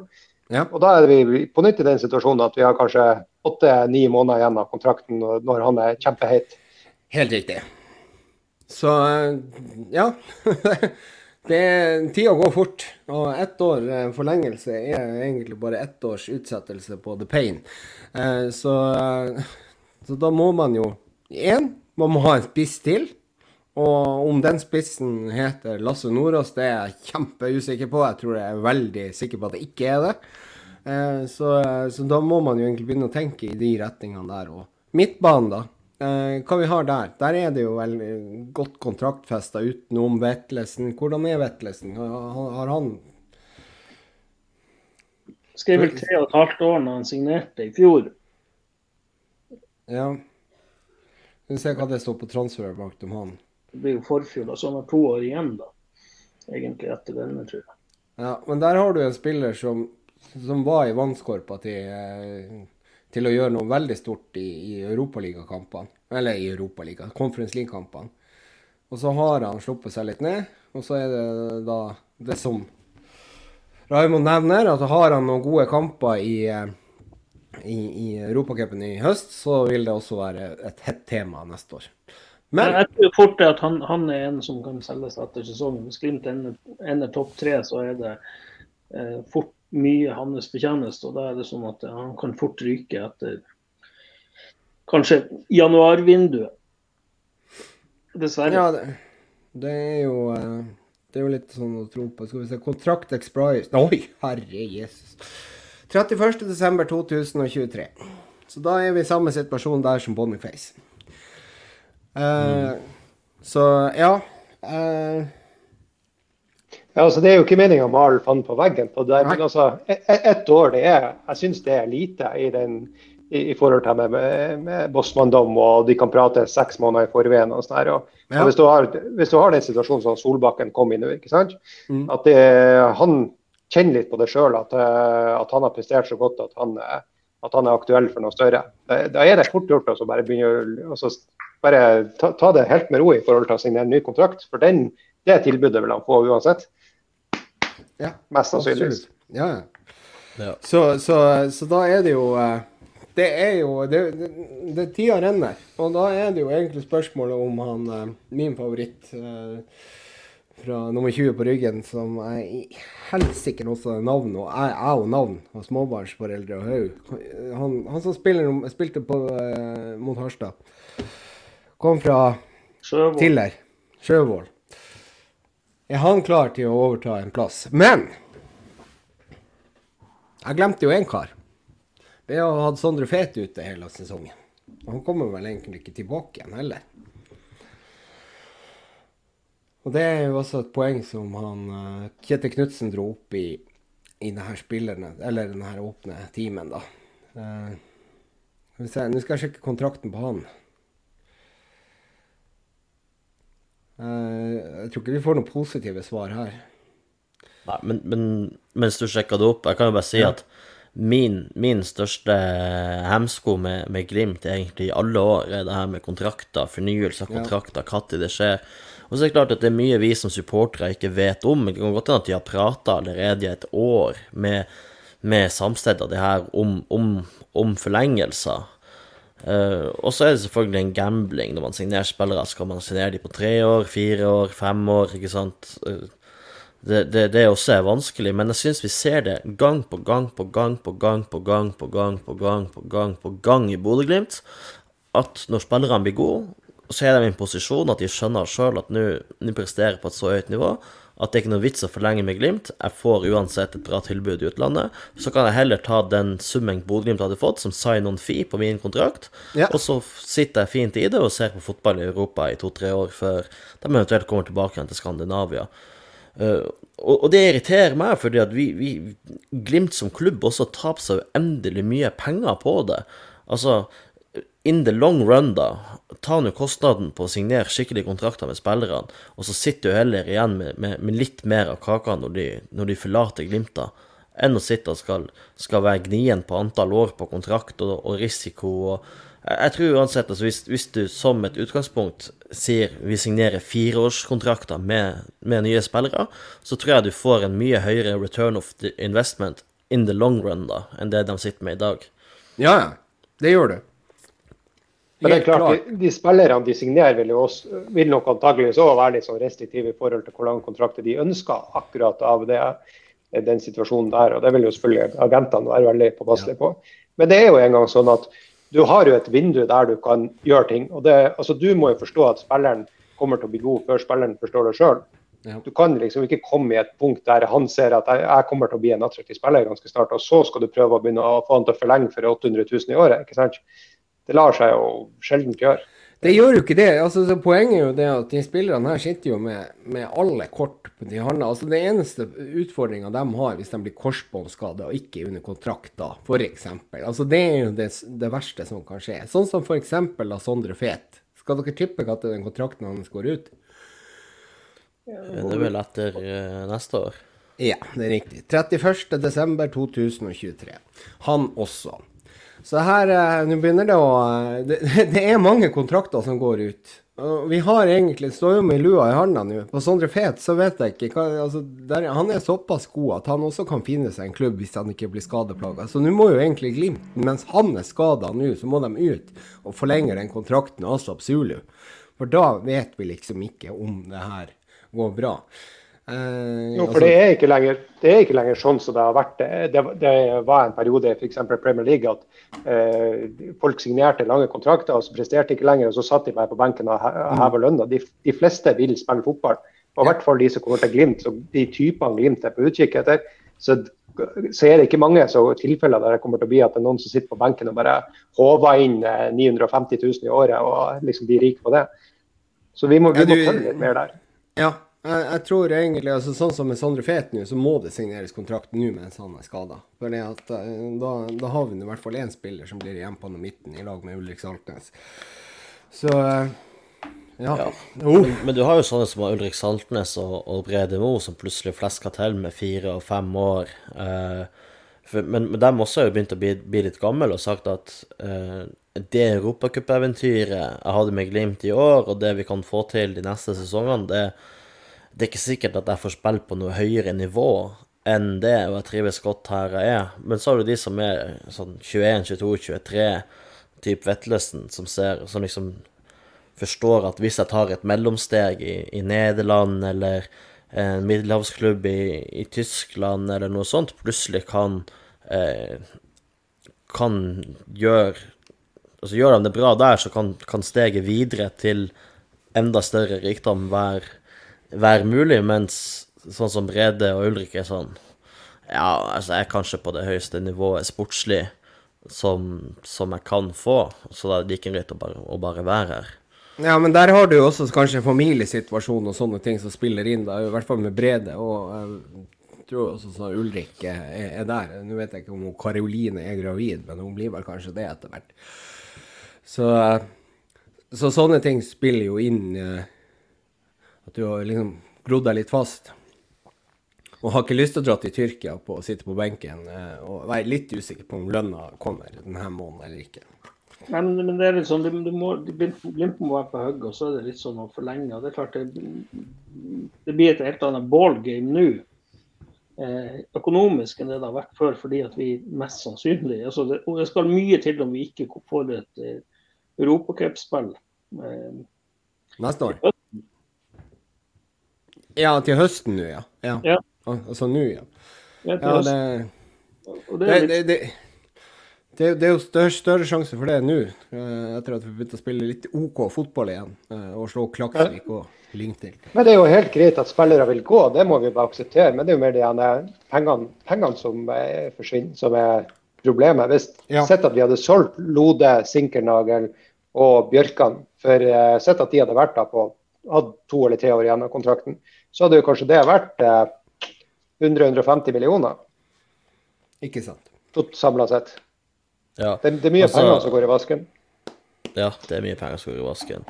Ja, og, og, jeg, vet ikke hva Sinke, jeg vet ikke hva Sinkernagel hadde i lønn i Glimt, men hadde man Selvfølgelig, man kan jo si mye om han, han hadde en enorm sesong i 2020, men han var jo tidvis veldig god i, eh, i 18 og 19 også, eh, så, så jeg syns liksom at man man kunne vært mer ivrig på å forlenge den kontrakten. Og så skjønner jeg jo at når, når ting ja. ble sånn som det ble til slutt, at, at han dro gratis. Men, men jeg tror at, at, Glimt kunne vært mer frempå og, og, og forlenge den kontrakten der, der Prøvde, der prøvde Glimt.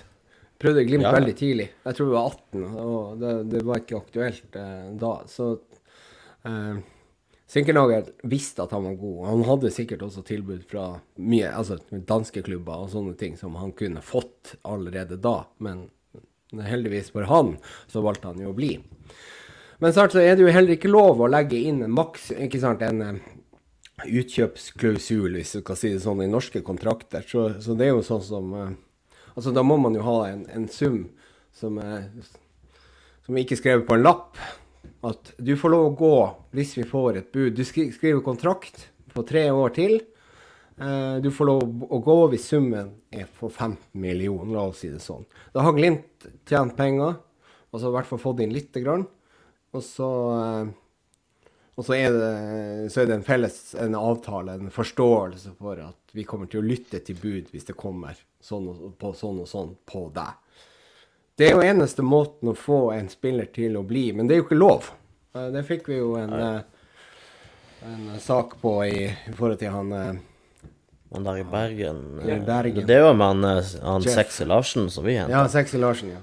Men, Eh, Men, men, men det som er litt Altså, det som er litt interessant med de utkjøpsklausulene og sånn, er hvis du la oss si vi hadde utløpsopsjon sånn klausul med Patrick Berg på, på 15 mill., så er Ja. det jo 25 millioner tapt sammenligna med de 40 som vi fikk for han. Ja, men det er jo egentlig hvis du Altså, hvis du er i den situasjonen at du er i ferd med å bli bossmann. Ja, det er jo sant.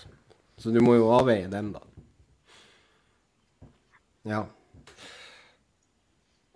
Hva er det Nei, vi har, vi har prata litt om det utkjøpsklausul før, og det, er jo sånn, det, det burde jo bare bli tillatt. Det er jo rett og slett fordi at sånn som, det, sånn som den norske eliteserien er nå, så er vi lavest i, i næringskjeden. Eh, mm. det, er klart, det, det er peanuts for en, en championshipsklubb å betale, gi Sinkenhagen de ti millionene og vente der, ikke sant. Og få årets spiller i Eliteserien. Eh, fordi at de vet at ok, ja, hvis han ikke slår gjennom, klarer de kanskje å selge han. Eh, Det samme med Hertha Berlin når de kjøper eller signerer Fredrik André Bjørkan, sant, som er en landslagsspiller. Eh, For Norge, vi vet at totalkostnaden ved å ha han er, er 15 millioner. Det, er sånn, det får de fort igjen. Eh, Det skal mye til hvis de ikke får det igjen når de signerer en femårskontrakt. med. Eh, Og selger han da for om tre år til FC København eller noe sånt for, for den summen.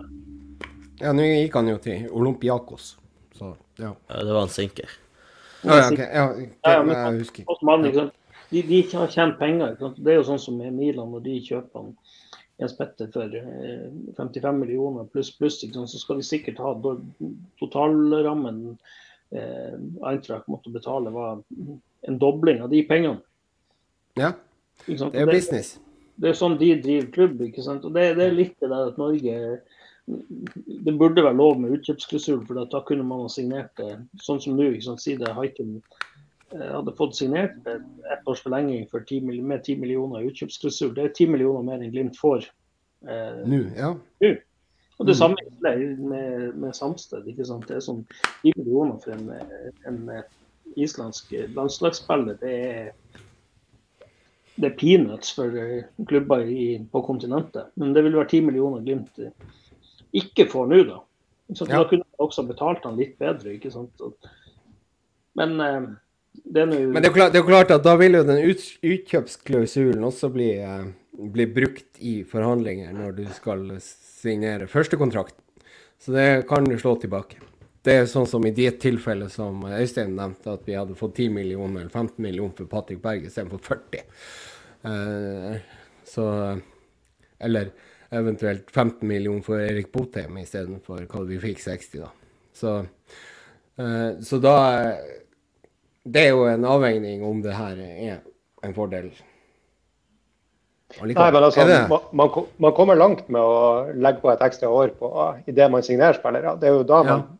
Det er jo liksom da man har den eh, muligheten til å løse det her på enklest mulig måte.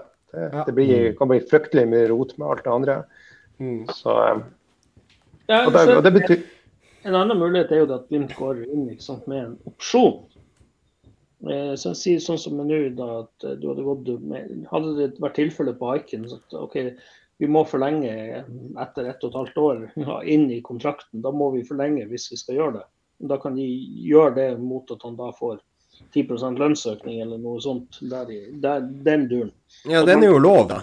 Den kan man jo gjøre. Ja.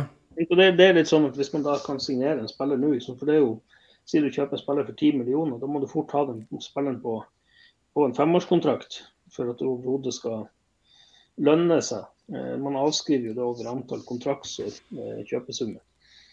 Og da er det sånn, sier de OK med fire pluss ett, ja, så er det sånn at okay, etter to, ett og et halvt år så må, du, må klubben løse ut den. Hvis ikke så står spilleren fritt. Og det er jo en tryggere ja. Nei, men det, det er jo en tryggere for både klubb og spiller, egentlig, sånn sett.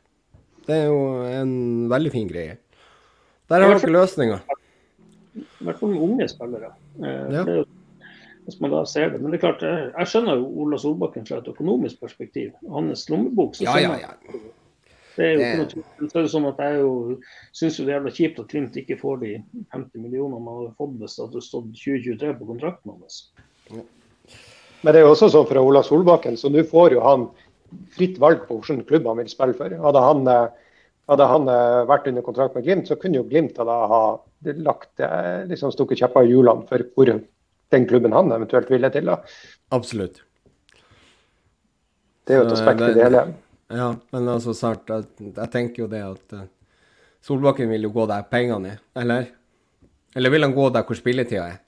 Hva dere tror han, han er i landslags i vannskorpa til landslag, og da er det litt annerledes. Da går du ofte etter spilletid, fordi at du vet at du kan komme hjem og prestere, i hvert fall hvis du har litt selvtillit. Ja, Da kan du faen ikke begynne å dra til Roma, da. Det er jo helt uaktuelt. Det, da, da, er jo den eh, tanken død. Altså, du garantert ferdig til Roma, så ser du fotball i to år, og så blir du leid ut, eller kanskje ett. Kan du bli leid ut, jo, men, leid ut i et eller annet sted. Men kan du bli en toppspiller hvis du tenker sånn? Nei. Må, eh, det er jo det som er at han Solbakken er jo nødt til å tenke at han er god nok til å da kan ta en startplass i Roma. Hvis han tenker noe annet, så er det jo altså Da blir jo ikke han å lykkes. Ja, men du må stikke fingeren i jorda, eh, egentlig. OK, greit. La oss si at du, du, du eh, signerer for kontringslag der hvor du vet at du får ballen på vingen og kan løpe, altså Ola Solbakken kan løpe, så kan det faktisk være muligheter for at han kan starte. Eh, nå er jeg ikke helt sikker på hvordan Roma spiller nå. Uh, jo, men det er det uansett agenten som, som ja. bør være rådgiveren i ja, det. Altså, Solbakken bør jo ha trua på seg sjøl. Agenten er jo bare der for å tjene penger for seg sjøl. Han har funnet det. Altså, agentopplegget det er jo helt latterlig. Ikke sant? Igjen. Hvorfor faen skal de sitte der og få penger for en overgang som en spiller som kan selge seg sjøl, egentlig kan eh, gjøre? Hvorfor skal han gjøre det der? Da kan du jo egentlig Altså, det som Ulrik Saltnes sa i, i Heia Fotball, de skulle fått penger hvis de hadde klart å øke lønna til spilleren. Det er jo da de egentlig kunne fortjene de pengene i utgangspunktet, for da gjør de en innsats for spilleren. Nå gjør de jo bare det at de finner dem ja, sånn at agenten får mest mulig betalt. Det, det, virker jo nesten sånn. Ja, det, det er jo sånn når, når, eh, når City betaler vet du faen 650 millioner for for Haaland til Dortmund, og så betaler de jo like mye til, til Haaland eh, og dødsboet til Raiola og, og Haaland senior. Så er det jo noe som er alvorlig galt med, med den moderne fotballen. Når, når folk sitter og, og ja, Kanskje den hotteste spissen, unge spissen i hele verden, eh, og så tar du 200 millioner i honorar for jobben du gjør på et produkt som egentlig har solgt seg sjøl. Det er jo helt sinnssvakt. Og den som gjør overgangen, det er jo ikke, det er ikke Rayo, eller uh, God rest, eller hva, hva, det heter. Rest in peace. Men uh, det er jo ikke agenten, det er jo, uh, jo advokatene. Som de leier inn. Og da jo, hadde jo egentlig spilleren bare tenkt å leie advokaten. I Haalands tilfelle så selger han seg sjøl. De spillerne som trenger agenter, det er jo de som eventuelt i vannskorpa til å kunne få spille fotball, ikke sant, og, så, og, og, og leie seg inn en agent som skal finne en klubb til han. Det er greit. Eh, da betaler jo spilleren for en tjeneste. Eh, men eh, det gjør du ikke i Haaland og egentlig i Solbakkens tilfelle også. Spillerne selger seg sjøl, for pokker. Eh, men OK. Yes. Nok om det. Er det kommet noen reaksjoner på Twitter? Er det? Skal jeg ta det? Ja, du kan jo ta det. Ja, Da får dere snakke litt mens jeg finner frem Twitter. Vi kan, vi kan jo kåre glimt, dagens Glimt-gutt mens vi venter. Barelius. Ja, jeg gjør det. Eh, ja Eolelo. Nei, altså, det Det Åh. Jeg skal gi dem bris for det målet. Eh, og, og for, eh, for, oppsving i, i, form og prestasjon, så tror jeg kanskje jeg gir bris Ja, der er jeg faktisk enig med deg. Det blir Tambris for det han punkterer kampen. Det er litt sånn at eh, på et viktig, et viktig, tidspunkt, egentlig. Ja, det er noen minutter igjen, men det er fem minutter overtid. Eh, men også det at vi har jo vært ganske strenge med han. Det er litt sånn Jeg syns at nå funka han bra. Så jeg er enig med deg, Bris i DIS. Raymond? Jeg gir det til han Pellegrino. Han har, eh, han, er, han, sliter litt med, det, med forholdene rundt seg, det relasjonelle. Både til Boniface og til Saltnes og til særlig Bris. Og, og, han blir satt opp i litt sånn trange situasjoner og der han ikke får utnytta sine egenskaper på best mulig måte. Men allikevel, kamp etter kamp etter kamp, så er han den avgjørende spilleren som, som, er på rett tid, eh, rett plass og, og, i det hele tatt holder på å bryte den her fra en grytebust. Har en, altså Den burde vært mål. Har ei avslutning som går utafor fra tre meter, burde vært mål. Men han er der. Og prestasjonene hans er, er bedre nå enn hva han har vært på en stund, syns jeg. Så Det er til tross for at han har det ikke lett med han Bris med seg. For han Bris stenger alle rommene som han Pellegrino normalt sett angriper. Mm. Det er interessant, det her. Um, Nå er det sånn at jeg skal gi den til Bris, jeg òg. Uh, og det er ene og alene fordi at jeg har sittet og slakta han så jævla mye her at uh, han fortjener en opptur. Uh, det her var Det var en opptur for meg, og denne 2-0-skåringa, det letta hele opplevelsen for meg de siste minuttene. Da kunne jeg slappe av, slappe å svette enda mer. Så gjør det selv, gjør det med Bris. Bris, du får dagens beste, men jeg er, helt enig i at Pellegrino gjør en veldig god kamp. Og han kommer i seg i posisjoner som, som bør Eh, med litt mer eh, nøyaktighet så bør det være flere mål på han, men den der fantastiske lobben der, den er helt, helt i verdensklasse. Og eh, da Hvem er pasninga der? Hvem som slår den? Solbakken. Solbakken. Solbakken. Der er jo egentlig en mesterpasning. Skal sies at uh, jeg tror han Gryte, Grytebust hadde han litt bedre oversikt på hvor han var, så hadde han tatt den lobben der. Ja, han kan ta ett skritt til før den ballen er over linja og slå han ut. Men nå skal det jo sies at Grytebust var jo ute med armer og bein i ganske mange tilfeller. Spesielt med Ulrik Saltnes sine to avslutninger. Og da kunne Ulrik stått med to mål hvis ikke Grytebust hadde vært helt på stasjon. Absolutt. Så, eh, men, eh, men da er det jo eh, da, Øystein har jo faktisk sagt han har sagt at han skal ta og gå gjennom alle episodene, og så skal han regne sammen hvem som blir årets spiller til slutt. Så det her blir jeg gleder meg til når de skal sitte en uh, hel uke og høre på Glimt i øyet-sendingen fra 2022. Ja, det blir deilig. yes, det har kommet en del reaksjoner på Twitter. Um, Gregers, dommeren i Norge, tillater ut uttaling av tid i altfor stor grad. Såpass at det synes at det, det er disfavør for Glimt og de lagene som tør å spille fotball i to ganger 45 minutter. I tillegg er dommerjævelene ikke konsekvenser i sin dømming. Jeg ser Ja. Hva dere tenker om det? Uttaling av tid. Ålesund var jo god på det, dem òg. Ja, nei, jeg, er helt enig. Jeg så så det var noen som snakka om det i går, uten at jeg, jeg så ikke den kampen mellom eh, Rosenborg og Kristiansund. Og da var det noen som spurte det her med, med effektiv spilletid, om, om, den var oppe i 60 minutter i det hele tatt. Og og jeg syns det, det, altså Selvfølgelig, det, det, er lov å ta tempo ut av kampen, det er lov å bruke tid, men, men jeg syns at sånn som i dag, eh, når du hører publikum, publikum på Aspmyra begynne, begynne, å telle når Grutebuss tar ballen, begynne å telle på dødballene til, til motstanderlaget, så, så, så, sier det jo litt om at man føler at man har nådd et punkt hvor det har gått altfor langt, uh, og, at, og at dommerne må ta, ta, tak i det tidligere. Jeg syns jo det er like ille å, å å har ut tida etter 15 minutter som da du havler tida etter 80 minutter, så hvorfor kommer ikke det gulkortet etter 15 minutter? Eh, altså det er jo helt totalt forbanna meningsløst å stå og peke på klokka si, og så fem minutter før slutt gi opp et gult kort for, for at de er fette trege. Det, det syns jeg de kan være mye mer offensive på å si at nå kutter du ut, vi er for å spille fotball, ikke stå for at du skal stå og bruke en og en halv time på, på å ta et innspark eh, sett i gang, ellers blir det gult kort på neste. Ja. Nei, og, det, det syns jeg man kan ta i første omgang, og det, mm. det er mm. bare å få det, få det opp, de gulkortene, med en gang. Ja. Vålerenga har tapt, har de det? Vålerenga har tapt, ja. Jeg syns det, det, var en morsom overskrift. TV 2. Ny nedtur for bunnlaget Men da får vi gratulere Odd med en opptur, da.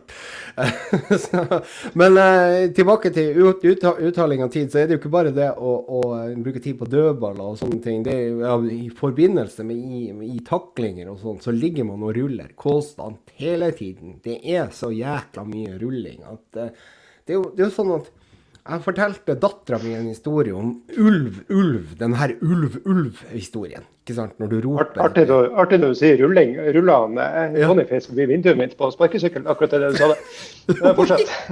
ja, ja, men eh, hadde han, hadde han besøk på sparkesykkel? Ja, foran seg, men uh, på en annen sparkesykkel. OK, greit. Ja, nei, men da vet vi det.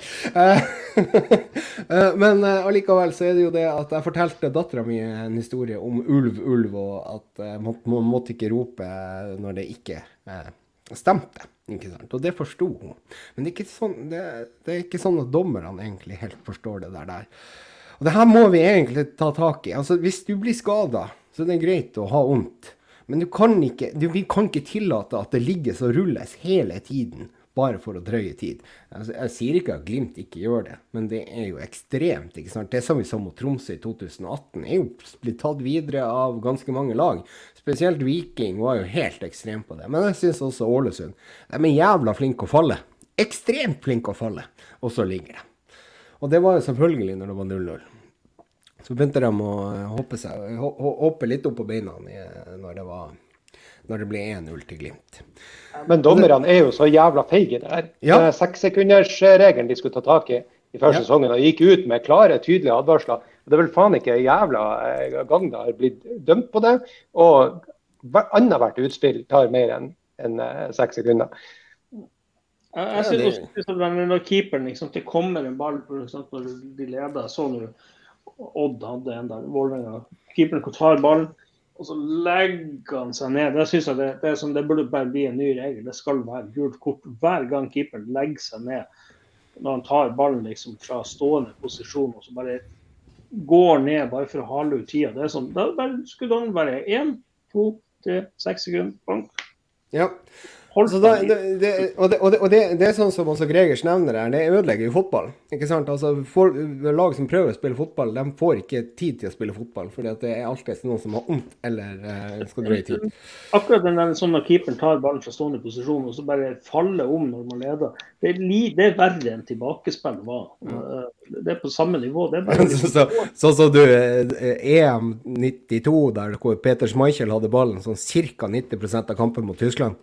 Ja, ja, det er liksom, de bare spiller ballen tilbake, og så tar han den. Også. Det er liksom, den sekssekundersregelen jeg, jeg, sånn, jeg er veldig fan av at den skal praktiseres. Det er en sovende regel eh, hos Fifa og Uefa og alle, men, ja. men, få det på, liksom. Få det. Ja, nei, det, det, det blir jo det, men det viser jo satsingsområde. Ja, det er jo det i år. Og det viser jo bare yeah. hvor Ja, okay. ja Dommerstanden gikk ut og sa det før, år, altså, før sesongen i år at nå advarte de keeperne at det brukte de lengre tid, så kom det til å bli blåst. De kom til å telle konsekvent. Det skjer ikke. Og så ser du i dagens kamp jeg vet ikke om noen legger merke til hvordan Saltnes klikka på dommeren etter den situasjonen ja. Solbakken får, eh, ja. får gult kort. Ja. For at, altså, det blir jo lunsjpause. Eh, ja. i tidlig, tidlig andreomgangen der. Altså, altså, dommeren kan jo løse det der mye kjappere. Det, jo, det profitterer jo Ålesund masse på at de får ta ned tempoet og får, får beina i ro til Glimt. og liksom, ja. Nei, det, det, var, det, det, la jeg faktisk også merke til. Det er sånn du sier det. Det burde jo vært noen og solgt noe pølsevann og sånne ting, spillerne der. For det var kjempelang pause. Så det Og Ulrik klikker på den. Og der er, i forbindelse med den, så er Mikkelborg, Erik Mikkelborg ute og spør eller spør. Ikke i nærheten av enig at Solbakken skal ha rødt. Gult er OK. Ellers så er det på plass å gi skryt til, til målskårere. Men OK, greit. Jeg ser jo den situasjonen jeg måtte, jeg måtte, spole tilbake igjen, fordi at han, eh, han Myhre som kommentator på Eurosport mente at det burde vært rødt. Jeg ser ikke den røde. Jeg gjør ikke det. Eh, det er ikke fordi at jeg Altså Hvis motstanderlaget hadde hatt en sånn situasjon, så syns jeg det hadde vært jævla strengt med rødt kort. Ja. Hæ? Er det, ja, hva, hva sier altså- Edvardsen om det her? Er det noen som har Edvardsen på hotline? Men er det ikke Ja, på tide sånn- snart det går an å gi gult kort for filming på sånne, på sånne der ting? Ja, Altså du ser Han er jo så vidt borti han, og så Ja, ja. ser det jo ut som han er skutt. Det, det ser så Ja, dumt det ut. er det. jo, det er jo, det er jo, det er jo. Det er jo viking over det hele. Det er jo helt grusomt. Altså, Igjen. om, Det var det noe. om noe så mener jeg jo at man skulle gitt noe for taklinga på han Samsted, for den syns jeg var helt horribel. Og det er jo det Ja, men fikk han ikke Solbakken gult kort på den? den? Nei, han, han, han sier jo etter kampen han får gult kort fordi at han må gi et gult kort til en Ålesund-spiller når det blir så mye knuffing og sånt, så var det ikke greit å bare gi det til han. Å ja, ok. Ja, okay. Ja, men da, det jo, da faller jo saken i sine Dæven, det er dårlig gjort av dommeren! det er jo skand skan skandale igjen. Det er gult kort på den taklinga, for den var jo stygg. Uh, ja, men da er vi enige om at uh, det er ikke noen av dere som er borte og lefler med at det burde vært rødt. Hva sier Edvardsen, forresten? Kan vi sjekke det opp? Han skriver at dette skulle vært direkte rødt. Ja, ikke sant. Selvfølgelig. Idiot. Ja, OK. Nok om det. Jeg orker ikke å kommentere det engang. Uh, skal, vi ta, skal, vi, skal dere si noe om det? Altså, han, han, han gir han jo bare en liten sånn skump, og så, og så ligger han og ruller i 14 minutter. Nei, fy faen. Ja, det går ikke an. Han holder seg til halsen og herjer og styrer. Så Ja, ja, ja. Jo, men men Ola er jo nede der. Jeg vet ikke om han klyper han eller holder rundt han, eller hva det er for noe. Men, men det der, den, den første er jo ikke nok. Altså, altså, en voksen mann skal jo ikke dette av det der. Altså, hva faen? Ja. Nei, jeg ser, eh, ser også det at alt mulig og alt er mulig. Fokuserer på det her med effektiv spilletid. Eh, noen, noen av dem. Og så spør han Bonningface eller Espejord hvem er deres førstevalg i de neste kampene. Uh, vil Boniface. På meg òg. ja, meg òg. Men eh, det, er jo, eh, det var jo veldig artig å se han Espejord komme inn i dag. eh, Friske Ja, ja. Så, så det der kan jo være en, eh, en grei sak å, å bytte litt mer enn hva de har gjort. Ja, Og, og det, at Espejord kommer inn. Espejord er jo rask i beina, så mot slitne stoppere så kan jo han være veldig nyttig. Jo, og eh, ja, han bør jo skåre der, eller han bør jo passe på den siste. Altså, vi vinner 3-0. Det hadde jo sett litt bedre ut. Men ja, der hadde han jo sikkert passa hvis vi hadde leda bare 1-0 eh, i den situasjonen. Han har en enorm sjanse på 2-0, eh, Espejord. Eh, men han Ja, altså, det syns vi må oppklare altså den, den første avslutninga er helt grei, men så er det Ja. han mottar ballen etter retur fra grytebust og står egentlig feilvendt, spiller ut på Ola eller noe sånt, i stedet for å ta den piraten og skyte Ja, han hadde, han hadde men, Sondre men det, er jo, det er vel ingen her som reagerer på den første avslutninga, for å si Nei. det sånn. Det gjør vi ikke. Den er fin. Der bryter han også veldig fint. Skal vi se her. eh, Det var veldig mye på Twitter i dag. Uh, og så nå more than this. Altså, det er Audun. Uh, skal være ærlig, så burde Solbakken hatt rødt. Nei.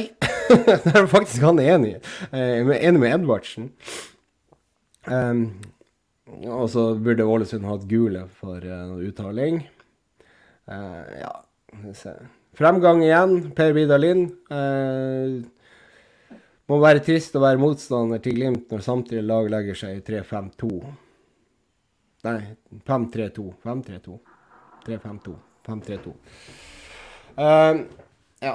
eh, det har vi vel egentlig Jeg, tror vi løser det med det der høye presspillet og den biten der. Er dere enig i det?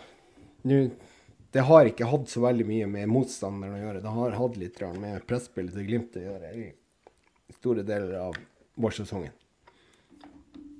Ja, men når Glimt har hatt mye ball, så, så handler det litt også om relasjonene offensivt, bevegelsesmønster, hvordan man bryter ned 5-3-2 også. Eh, eh, I tillegg til det at man, eh, man selvfølgelig kanskje har mangla litt i det offensive ettertrykket når man har mista ball høyt i banen, eh, for å få brudd på brudd. Eh, men eh, men jeg syns i, i dag at vi skaper mer imot et lavtliggende 5-3-2-lag når vi har ballen i laget. Så, så det, jeg syns det er mye, mye fremgang å spore. Ja, jeg tror det. Jeg tror vi løser den 3-5-2-nøkkelen. At vi har funnet nøkkelen, og det er å det- være mer seriøs. Men det skal sies at uh, Ålesund de, de sto ikke så De sto ikke eh, høyt med intensitet i den grad som mange andre har gjort det. Så vi fikk mer rom å spille på på egen banehalvdel enn hva vi bruker. Men det ser jo ut som at det er på, på riktig vei, det at vi begynner å finne ut av det. Ja, men da må jeg spørre deg, Er det en konsekvens av at vi er, er hissigere på å vinne ball tilbake når vi taper den? Eh, dels det, men jeg tror egentlig mest det er at vi tør å spille oss ut. For Du ser det har vært mye høye skuldre, på, mm. kanskje spesielt på, på Bris. Som, og, og, de har jo vært veldig sånn som så, så Viking pressa eh, Glimt veldig effektivt. Og så De var veldig bevisst på at de, at de gikk skjevt i presset, sånn at de laga en korridor til han Bris, og så stengte de den. Og Da så du at han fikk høye skuldre og, og, og slo ballen bort.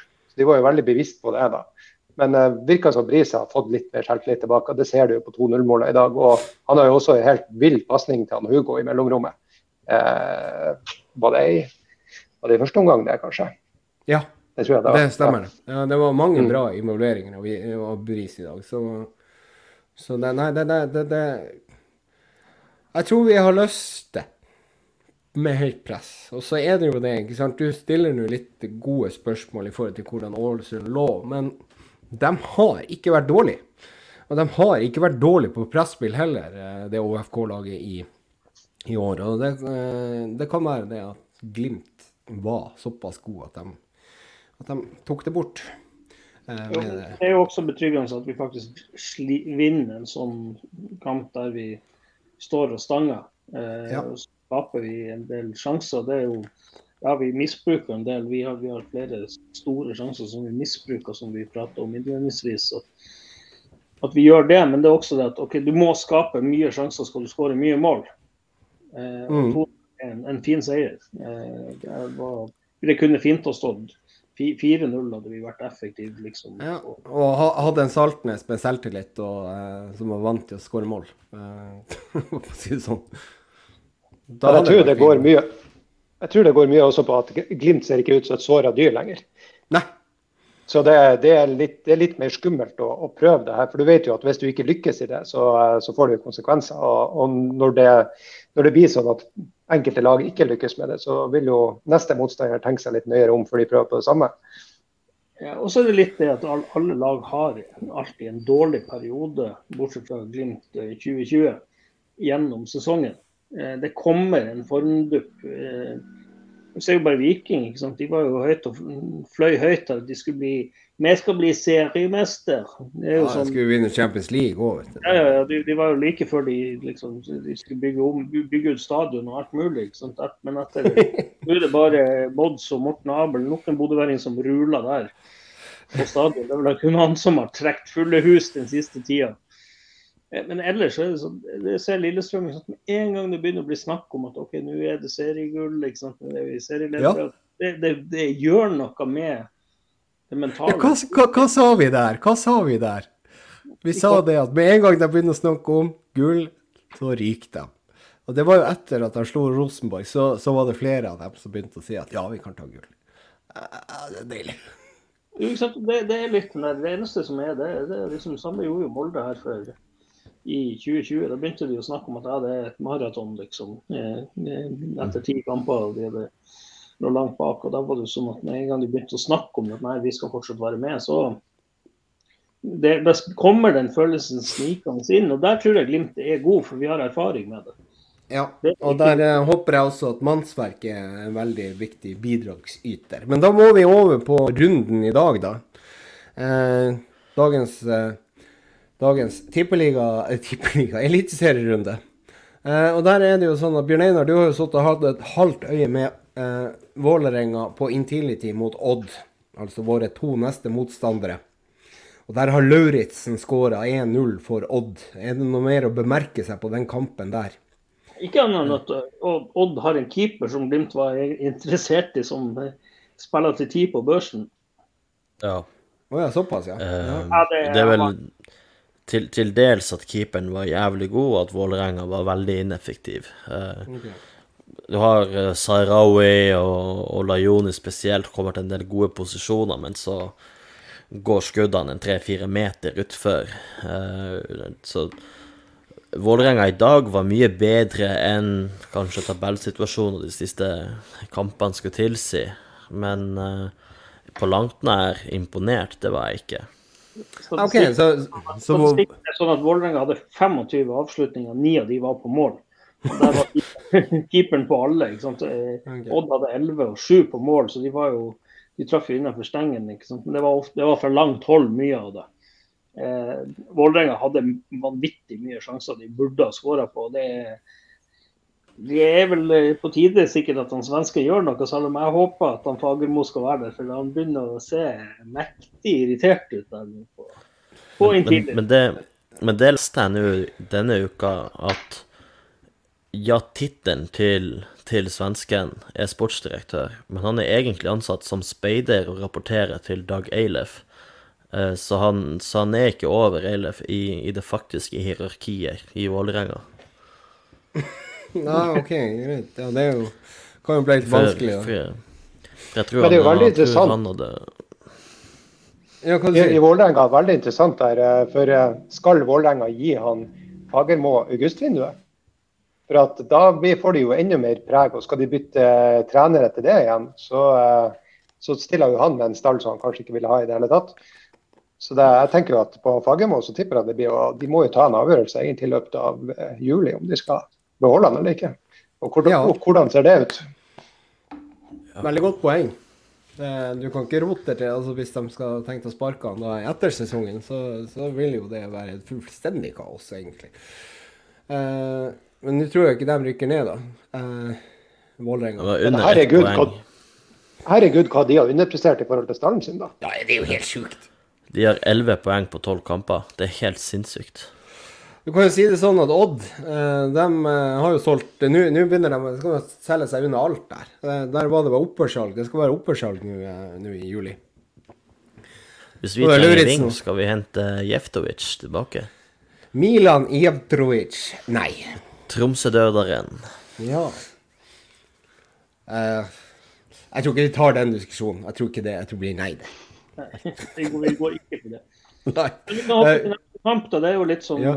Fikk litt eh, drahjelp av eh, et høytflygende HamKam. Eh, Ja. De, de, de eh, har eh, snitta til å ja, være godt over 30 poeng. Eh, De har eh, 15 poeng på 11 kamper. Fire mindre enn oss. Eh, Vinner i dag mot Sarpsborg. Det er sterkt. 3-2 Ja, og, i til, og i tillegg så er de altså to poeng foran Tromsø, bare sånn at vi har den.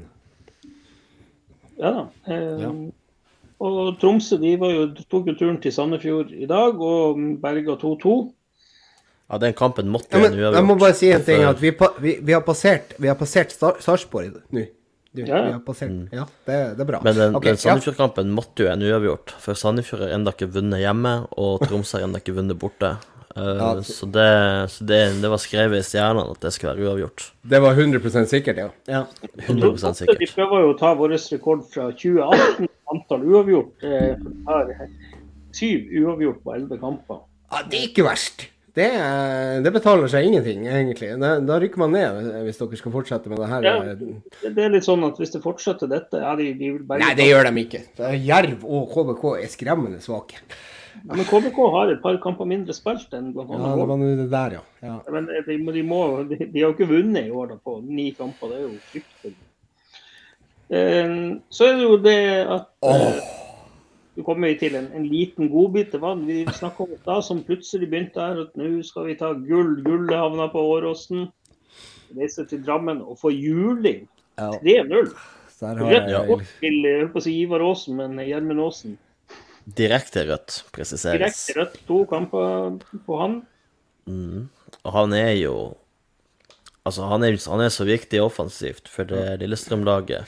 Han har jo en Altså, den venstrefoten hans, altså, det er jeg sikker på at det er sånn laserguida missiler, nesten. Altså, for da, han treffer det han sikter på når han legger inn fra venstrekanten der. Hvis det også må ha flest assist i Eliteserien i fjor. Jeg vet ikke hva han har av assist så langt i år, men jeg så det i kampen også eh, mellom Glimt Lillestrøm, at, at den, den venstrefoten til Gjermund Aasen, den er faen meg giftig. Så at han er ute nå i to kamper, det Ja, Men jeg Det kan ser, jeg ser altså, Gjermund Aasen ble utvist i det 82. minutt, og Lillestrøm hadde åtte cornerer. Eh, den magien på cornerer har jo tydeligvis da forsvunnet litt i løpet av denne gulluka deres. Ja, og så er det litt sånn interessant. Vi skal bort og møte jumboen KBK. Nå begynner KBK det Statistisk så må de jo vinne en eller annen kamp. Ja, det. Det, det, det er jo perfekt at de tar den mot Lillestrøm. Og så skal de jo møte da Etter det så har de jo litt sånn De skal spille europakvalik, så de fikk jo flytta noen kamper. Så får de få med Viking på besøk i 10. juli her, så det er sånn Ja, det er uten Åsen der, og så skal de bort til Sarpsborg. De, de, har litt uh... Ja, da er, da er, det jo bort til Sarpsborg. Det, det, er ikke dumt å, å dra dit, for der, der, vinner man ikke ofte. Så det Og så har du to kamper i, i, går, da. Det var jo ta... ja, Vi har en kamp til i, i dag. Oh, ja. ja. det tok vi for så vidt. Det var Vålerenga-Odd. Så var det to kamper i går. og Der er det jo meget gledelig at de som var så høytflyvende her etter noen runder Viking tok turen til Haugalandet. Det er vel en time med buss og litt av ferge eller noe sånt. Så ikke spist noe svele der. Ja, ja, ja, ja, ja. Viking er gått sur. Og Viking er gått sur. Og får rødt kort hver kamp. Ja. så deilig. Løkberg utvist. Eh, så det er vel kanskje litt koordinert. det Åsen og Løkberg skal på guttetur, de er vel gode busser. Og så ikke, ikke, nok med det, Viking skåra faktisk fire mål. for De, hadde, det var liksom, de, de skåra to selvmål nå. Ja. Men eh, OK, greit. Da skal jeg bare spørre dere. Eh, hadde dere vært forbanna hvis det hadde vært uh, Saltnes som hadde fått rødt på den situasjonen til Kristoffer Løkberg, hvis dere har sett den? Ja, den, det, det er jo ikke kort. Jeg tror heller ikke det der foran, det, det, er litt sånn ja, liten, liten, holdning. Det, noe, det skjer titt og ofte, det skal det. Men um, man får, direkte, får vel direkte rødt nå, så det er to kamper ja, man får det. Eh, og da er spørsmålet er det frispark i det hele tatt?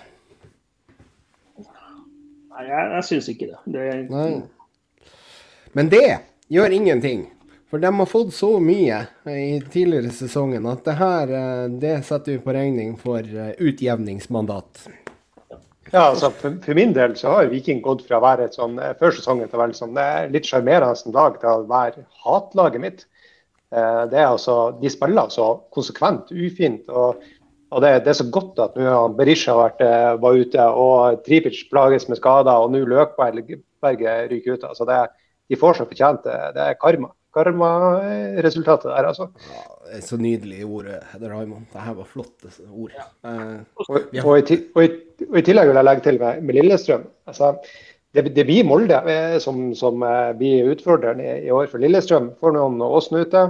Eh, Helland er jo bare 40 selv om han er god når han er god. Og så Ågbø og Christensen og Adams og hva heter midtbane Matthews, er det? Matthews, ja. ja. ja de, de, kommer jo til å være aktuelle i, i sommervinduet. Jeg vet ikke om noen, noen, av de har noen kontrakter som gjør at de kanskje er mer aktuelle, men, men de, de, får det ikke lett. Og de skal også ut i e-cup. Jeg har forståelse for at de her investorene til Lillestrøm skal gjøre alt for at den skal bli ut sesongen. Eh, så de skal prøve å ta det gullet. Første siden 1989, visstnok. Eh, så uh, jeg tror egentlig ikke Lillestrøm blir å selge noe, men det er litt sånn Vi har snakka om expected goals hver gang på Lillestrøm, og nå begynner det å utjevne seg. For de har skåra på alt som er av målsjanser eh, tidligere i sesongen, og kanskje mer enn hva målsjansene har. Jo, ja. Man må ha litt tur også. Det er litt sånn, sånn expected goals, hører hva du sier. Men man må også ha litt tur i, i fotball. Det, det er litt sånn Odd hadde det til dels her med at Vålerenga var jævlig dårlig. Eh, så, så, tur er en viktig del. Å stange inn er en del av fotballen. Men, men Lillestrøm, det er som de, de, de fikk sesongens første tap. Eh, og det er litt sånn, Vi har snakket om det. De hadde, de, de har ikke møtt eh, De møtte oss på et heldig tidspunkt for dem. Ja, så, men, men samtidig så var vi mye bedre enn dem i den kampen. Så, ja, ja. Det, ja vunnet. Men jeg, tror eh, som sagt at med en gang de, de begynner å snakke seriegull, nå skal de, de har snakket om det, de skal ut i europakvalik, alt det der. det eh, da skal du begynne å sjonglere med stallen, og det begynner å bli slitasje, det begynner å bli skader, det begynner å bli kanskje slitasje innad i stallen. Um, Og så kan vi jo nevne det at de var på andreplass på denne tida av sesongen i fjor også, så de Ja. falt litt av da. Så Det, det, kan, det kan være tøffere enn det. Så, men vi får se. De, fortsatt er det mange kamper igjen. Ja. Men, det, er det men alt er betinger jo at Glimt eh, klarer Ja. å levere det vi forventer. Så det det er er, jo prio igjen. Ja. Så, men eh, ja. Ja, vi, vi, vi må ha seiersrekke, seiersrekke. Vi må vinne, vi må vinne, vi må vinne. Og så, så får det bare gå som det går. Uh, er Molde bedre enn oss, så er de bedre enn oss. Det, det, sånn er det. Men uh, vi var innom Eikrem når du var ute, uh, Bjørn Einar, eh, i forhold til Molde. Har du, du har ikke noe mer inside på den? Han er ikke noe mer skada enn hva han Nei. Og siste kamp i dagens, eh, eller helgens runde, det er, var da Rosenborg-Kristiansund. eh, der Ole Lukaku ikke har Sæter fått det med seg hvis man er på sosiale medier. Ja, da, så Ja, Ole Sæter Løven fra Singsaker har skåra mål. Hat trick. Ja. Bra, bra han får utløsning for det Talentet. Talentet på 26 talentet år. på 26 år, men det er bra han får utløsning. Liksom, han kan levere en eller annen kamp, det, det, det er helt greit. Noah Holm den er han er kald, iskald. Han må kanskje ta seg turen til Bodø. Kanskje ja, men ikke han skada?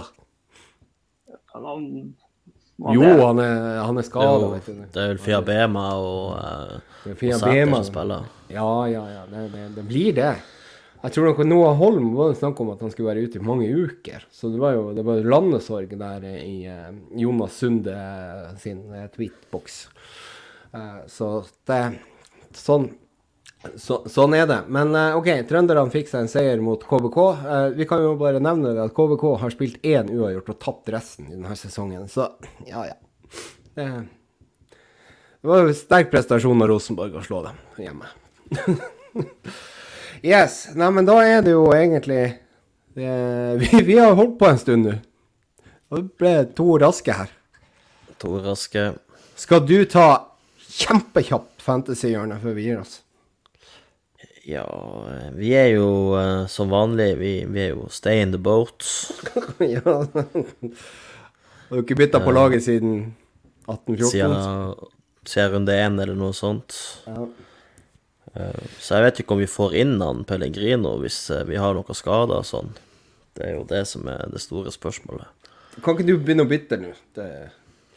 Er vi Jo, helt jeg kan nederst? begynne- Jo, jeg må begynne å bytte. Vi hadde jo Vi mista jo ti poeng på at vi ikke har han, uh, har han Pellegrino inne. Det er jo Ja. Ja, det, Greit. det er jo svakt. Vi er på sisteplass, altså, med andre ord. I denne Ja, ligaen vi, vi, vi er vel det. På tide med et wildcard, kanskje. Ja. Hvem som er på nest siste plass? Er det Stian Kristoffer Jensen fra Innhavet? Jeg vet ikke hva, vi er ikke på sisteplass. Nei! Det er FC Optimismo, Morten Nilsen. Morten Nilsen har akkurat kommet inn.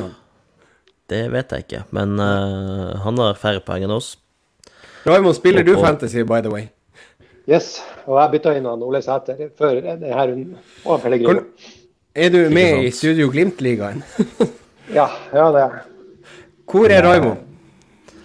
Jeg jeg eh, jeg har det ikke foran meg, men jeg, jeg, jeg hadde en dårlig start på de første par-tre rundene, så jeg jobba med å hente meg inn. Du, og, og du Men, eh, bytter? Ja. Ja. Jeg ser ikke Raymond her i Glimt i øyet-ligaen. Nei, ikke Glimt. Jeg trodde det var Studio Glimt du sa. Så. Ja, det Nei, sa han. han. ja. Men, Sa, eh, men sa jeg eh, Studio Glimt? Du sa Studio Glimt, ja. ja, ja, jeg er faktisk opptatt av det. Ja da. Ja, den, er- den ligaen er jeg ikke. Nei. Fått med Eh, vi kan jo gå, vi kan jo gå oss mot uh, topp Da får vi én spiller til, og det er Raymond Engmark kommer inn der og blander seg i tetstriden. Ta topp tre før, vi, eh, før vi sovner av her. Ja da, det er Barcelona på tredjeplass. Og det var han Rikard Kristoffersen. Ja, På andreplass Ville Lertenens. så deilig. Og Dalers. Dal, Dal, mm, Dalhaug. Trond Trond Ja. Og på topp er det Baris Power, han Frank. Franke Baris. Og eh, han Og har i dag, vi, I dag tror jeg vi har hatt han i Baris, faktisk. Ja, han stilte spørsmål. Har vi hatt han bare sagt ja? Det kan jeg bekrefte at han var. Men det som er gøy, er at det er jo bare syv poeng som skiller de fire øverste. Så jeg tror det er mye sånn her uh, For å gjøre det bra i Fantasy, så må alle ha disse elleve, og så er det og så er det sånn, hvis du har én eller to differ du prøver bare å få flaks på, men altså, hvem faen som gidder så følg med, det er jo Ja. Nei, Det store men, eh, spørsmålet da- er, var han, eh, var han Frankie Baris på TV? Ja. Ja, ok. Ja, for det, vi spiller i samme klubb, skjønner du. Vi spiller jo begge i Storm, og der er det 500 kroner til, i botkassa hvis du har Baris i TV på, på TV. ja, men der er det det er 500 kroner i bot der. Ja, det, Det blir en bra lagfest på slutten av året. Er det, er, det, er det per gang eller per kamp, da? Altså, kan han akkumulere opp en fire-fem bøter per kamp? Jeg, jeg, jeg velger å si ja på det. Uten, Ja, nei, jeg så.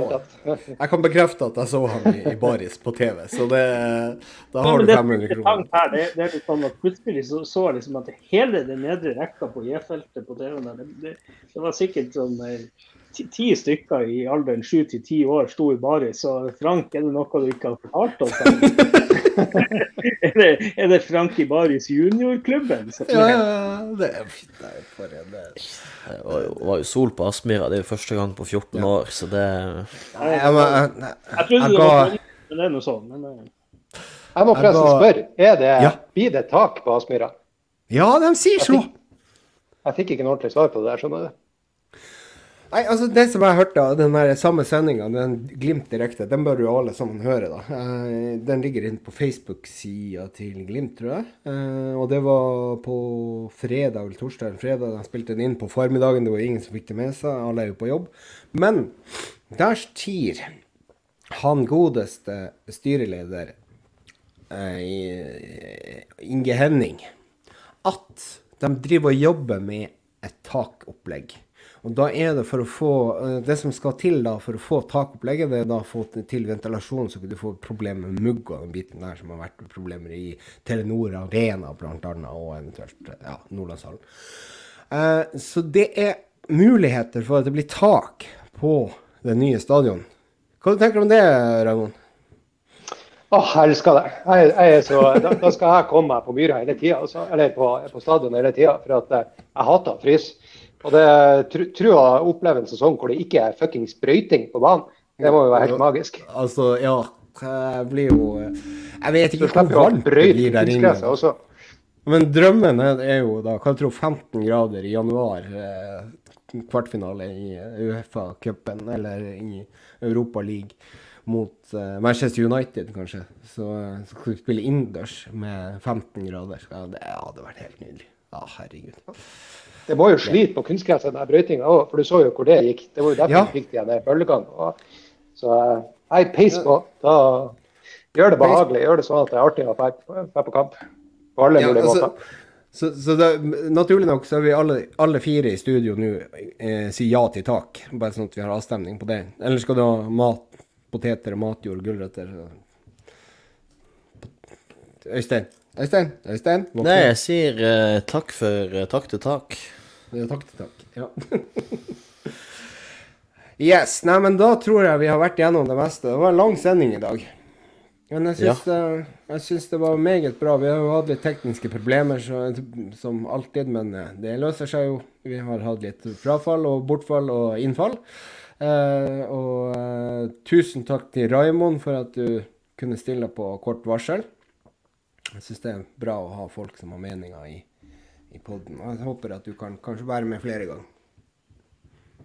Hvis du har lyst. Ja, det, det, det er bare å spørre. Så Ja. stiller jeg hvis jeg kan.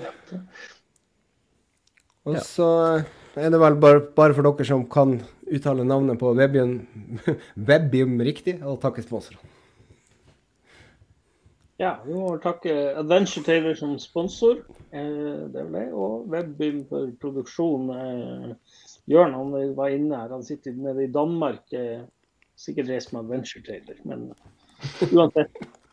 Eh, nu, bare sånn, nå er det jo en cupkamp, og ja, er rettighetshaver er ikke så flinke å informere, men den er på onsdag. Så for alle som er sørpå, 2015 tror jeg den går. Vålerenga Glimt på Intility. Eh, bli med Glimt i sør, på, opp der på Intility og se Glimt knuse Vålerenga. Eh, og det vel Glimt i sør arrangerer også tur til Skien på søndag. Så det er fullt mulig for både de som er fastboende og ferierende i Oslo-området til å få med seg to Glimt-kamper på ei uke. Og jeg hørte den bussen der hadde en vanvittig inngangssum. Ja, Det var, var ni kroner kosta det. Ja, ni kroner å være med på bussen. Hvis, hvis du er medlem i GLIS er eller ja. DGH, så, eller G-feltet, så er det ni kroner for å være med på bussen. Det må betales med VIPs. mm. Mm. og det, det, det er sikkert sånn at det, men jeg tror det er meldt ganske OK vær. Ikke, ikke på onsdag, men til søndag, neste søndag. Det er i hvert fall bestilt. Fint vær. Sikkert leskende drikke om bord på bussen og godt humør. Ja. Dansegledebussen. Dansegledebussen. Eh, Toalettfasiliteter, det er litt Må, risk, men må ikke forveksles med en russebuss. Nei, det, det, det kan, kan fort være. Kan, kan minne om russebuss, men er det ikke. Det er det ikke, bare for de som lurer. Altså, det er ikke så vanlig med russebuss i Bodø, så er det en mulighet. Eh, Ja, vi hadde, hadde, vi hadde gul russ i Vadsø. så vi- Yes, men med det så ønsker vi bare alle sammen en riktig fin eh, Vi slipper den episoden natt til mandag, kommer den vel ut. Fortsatt riktig fin natt. God morgen til dere. Ha en fin mandag, og vi hørs igjen. Man må huske på å ikke sove i sumarnatta. Nei, dere som har midnattssol oppe i nord, bare ut og feste. På gjenhør. På gjenhør. På igjen, Heia Glimt.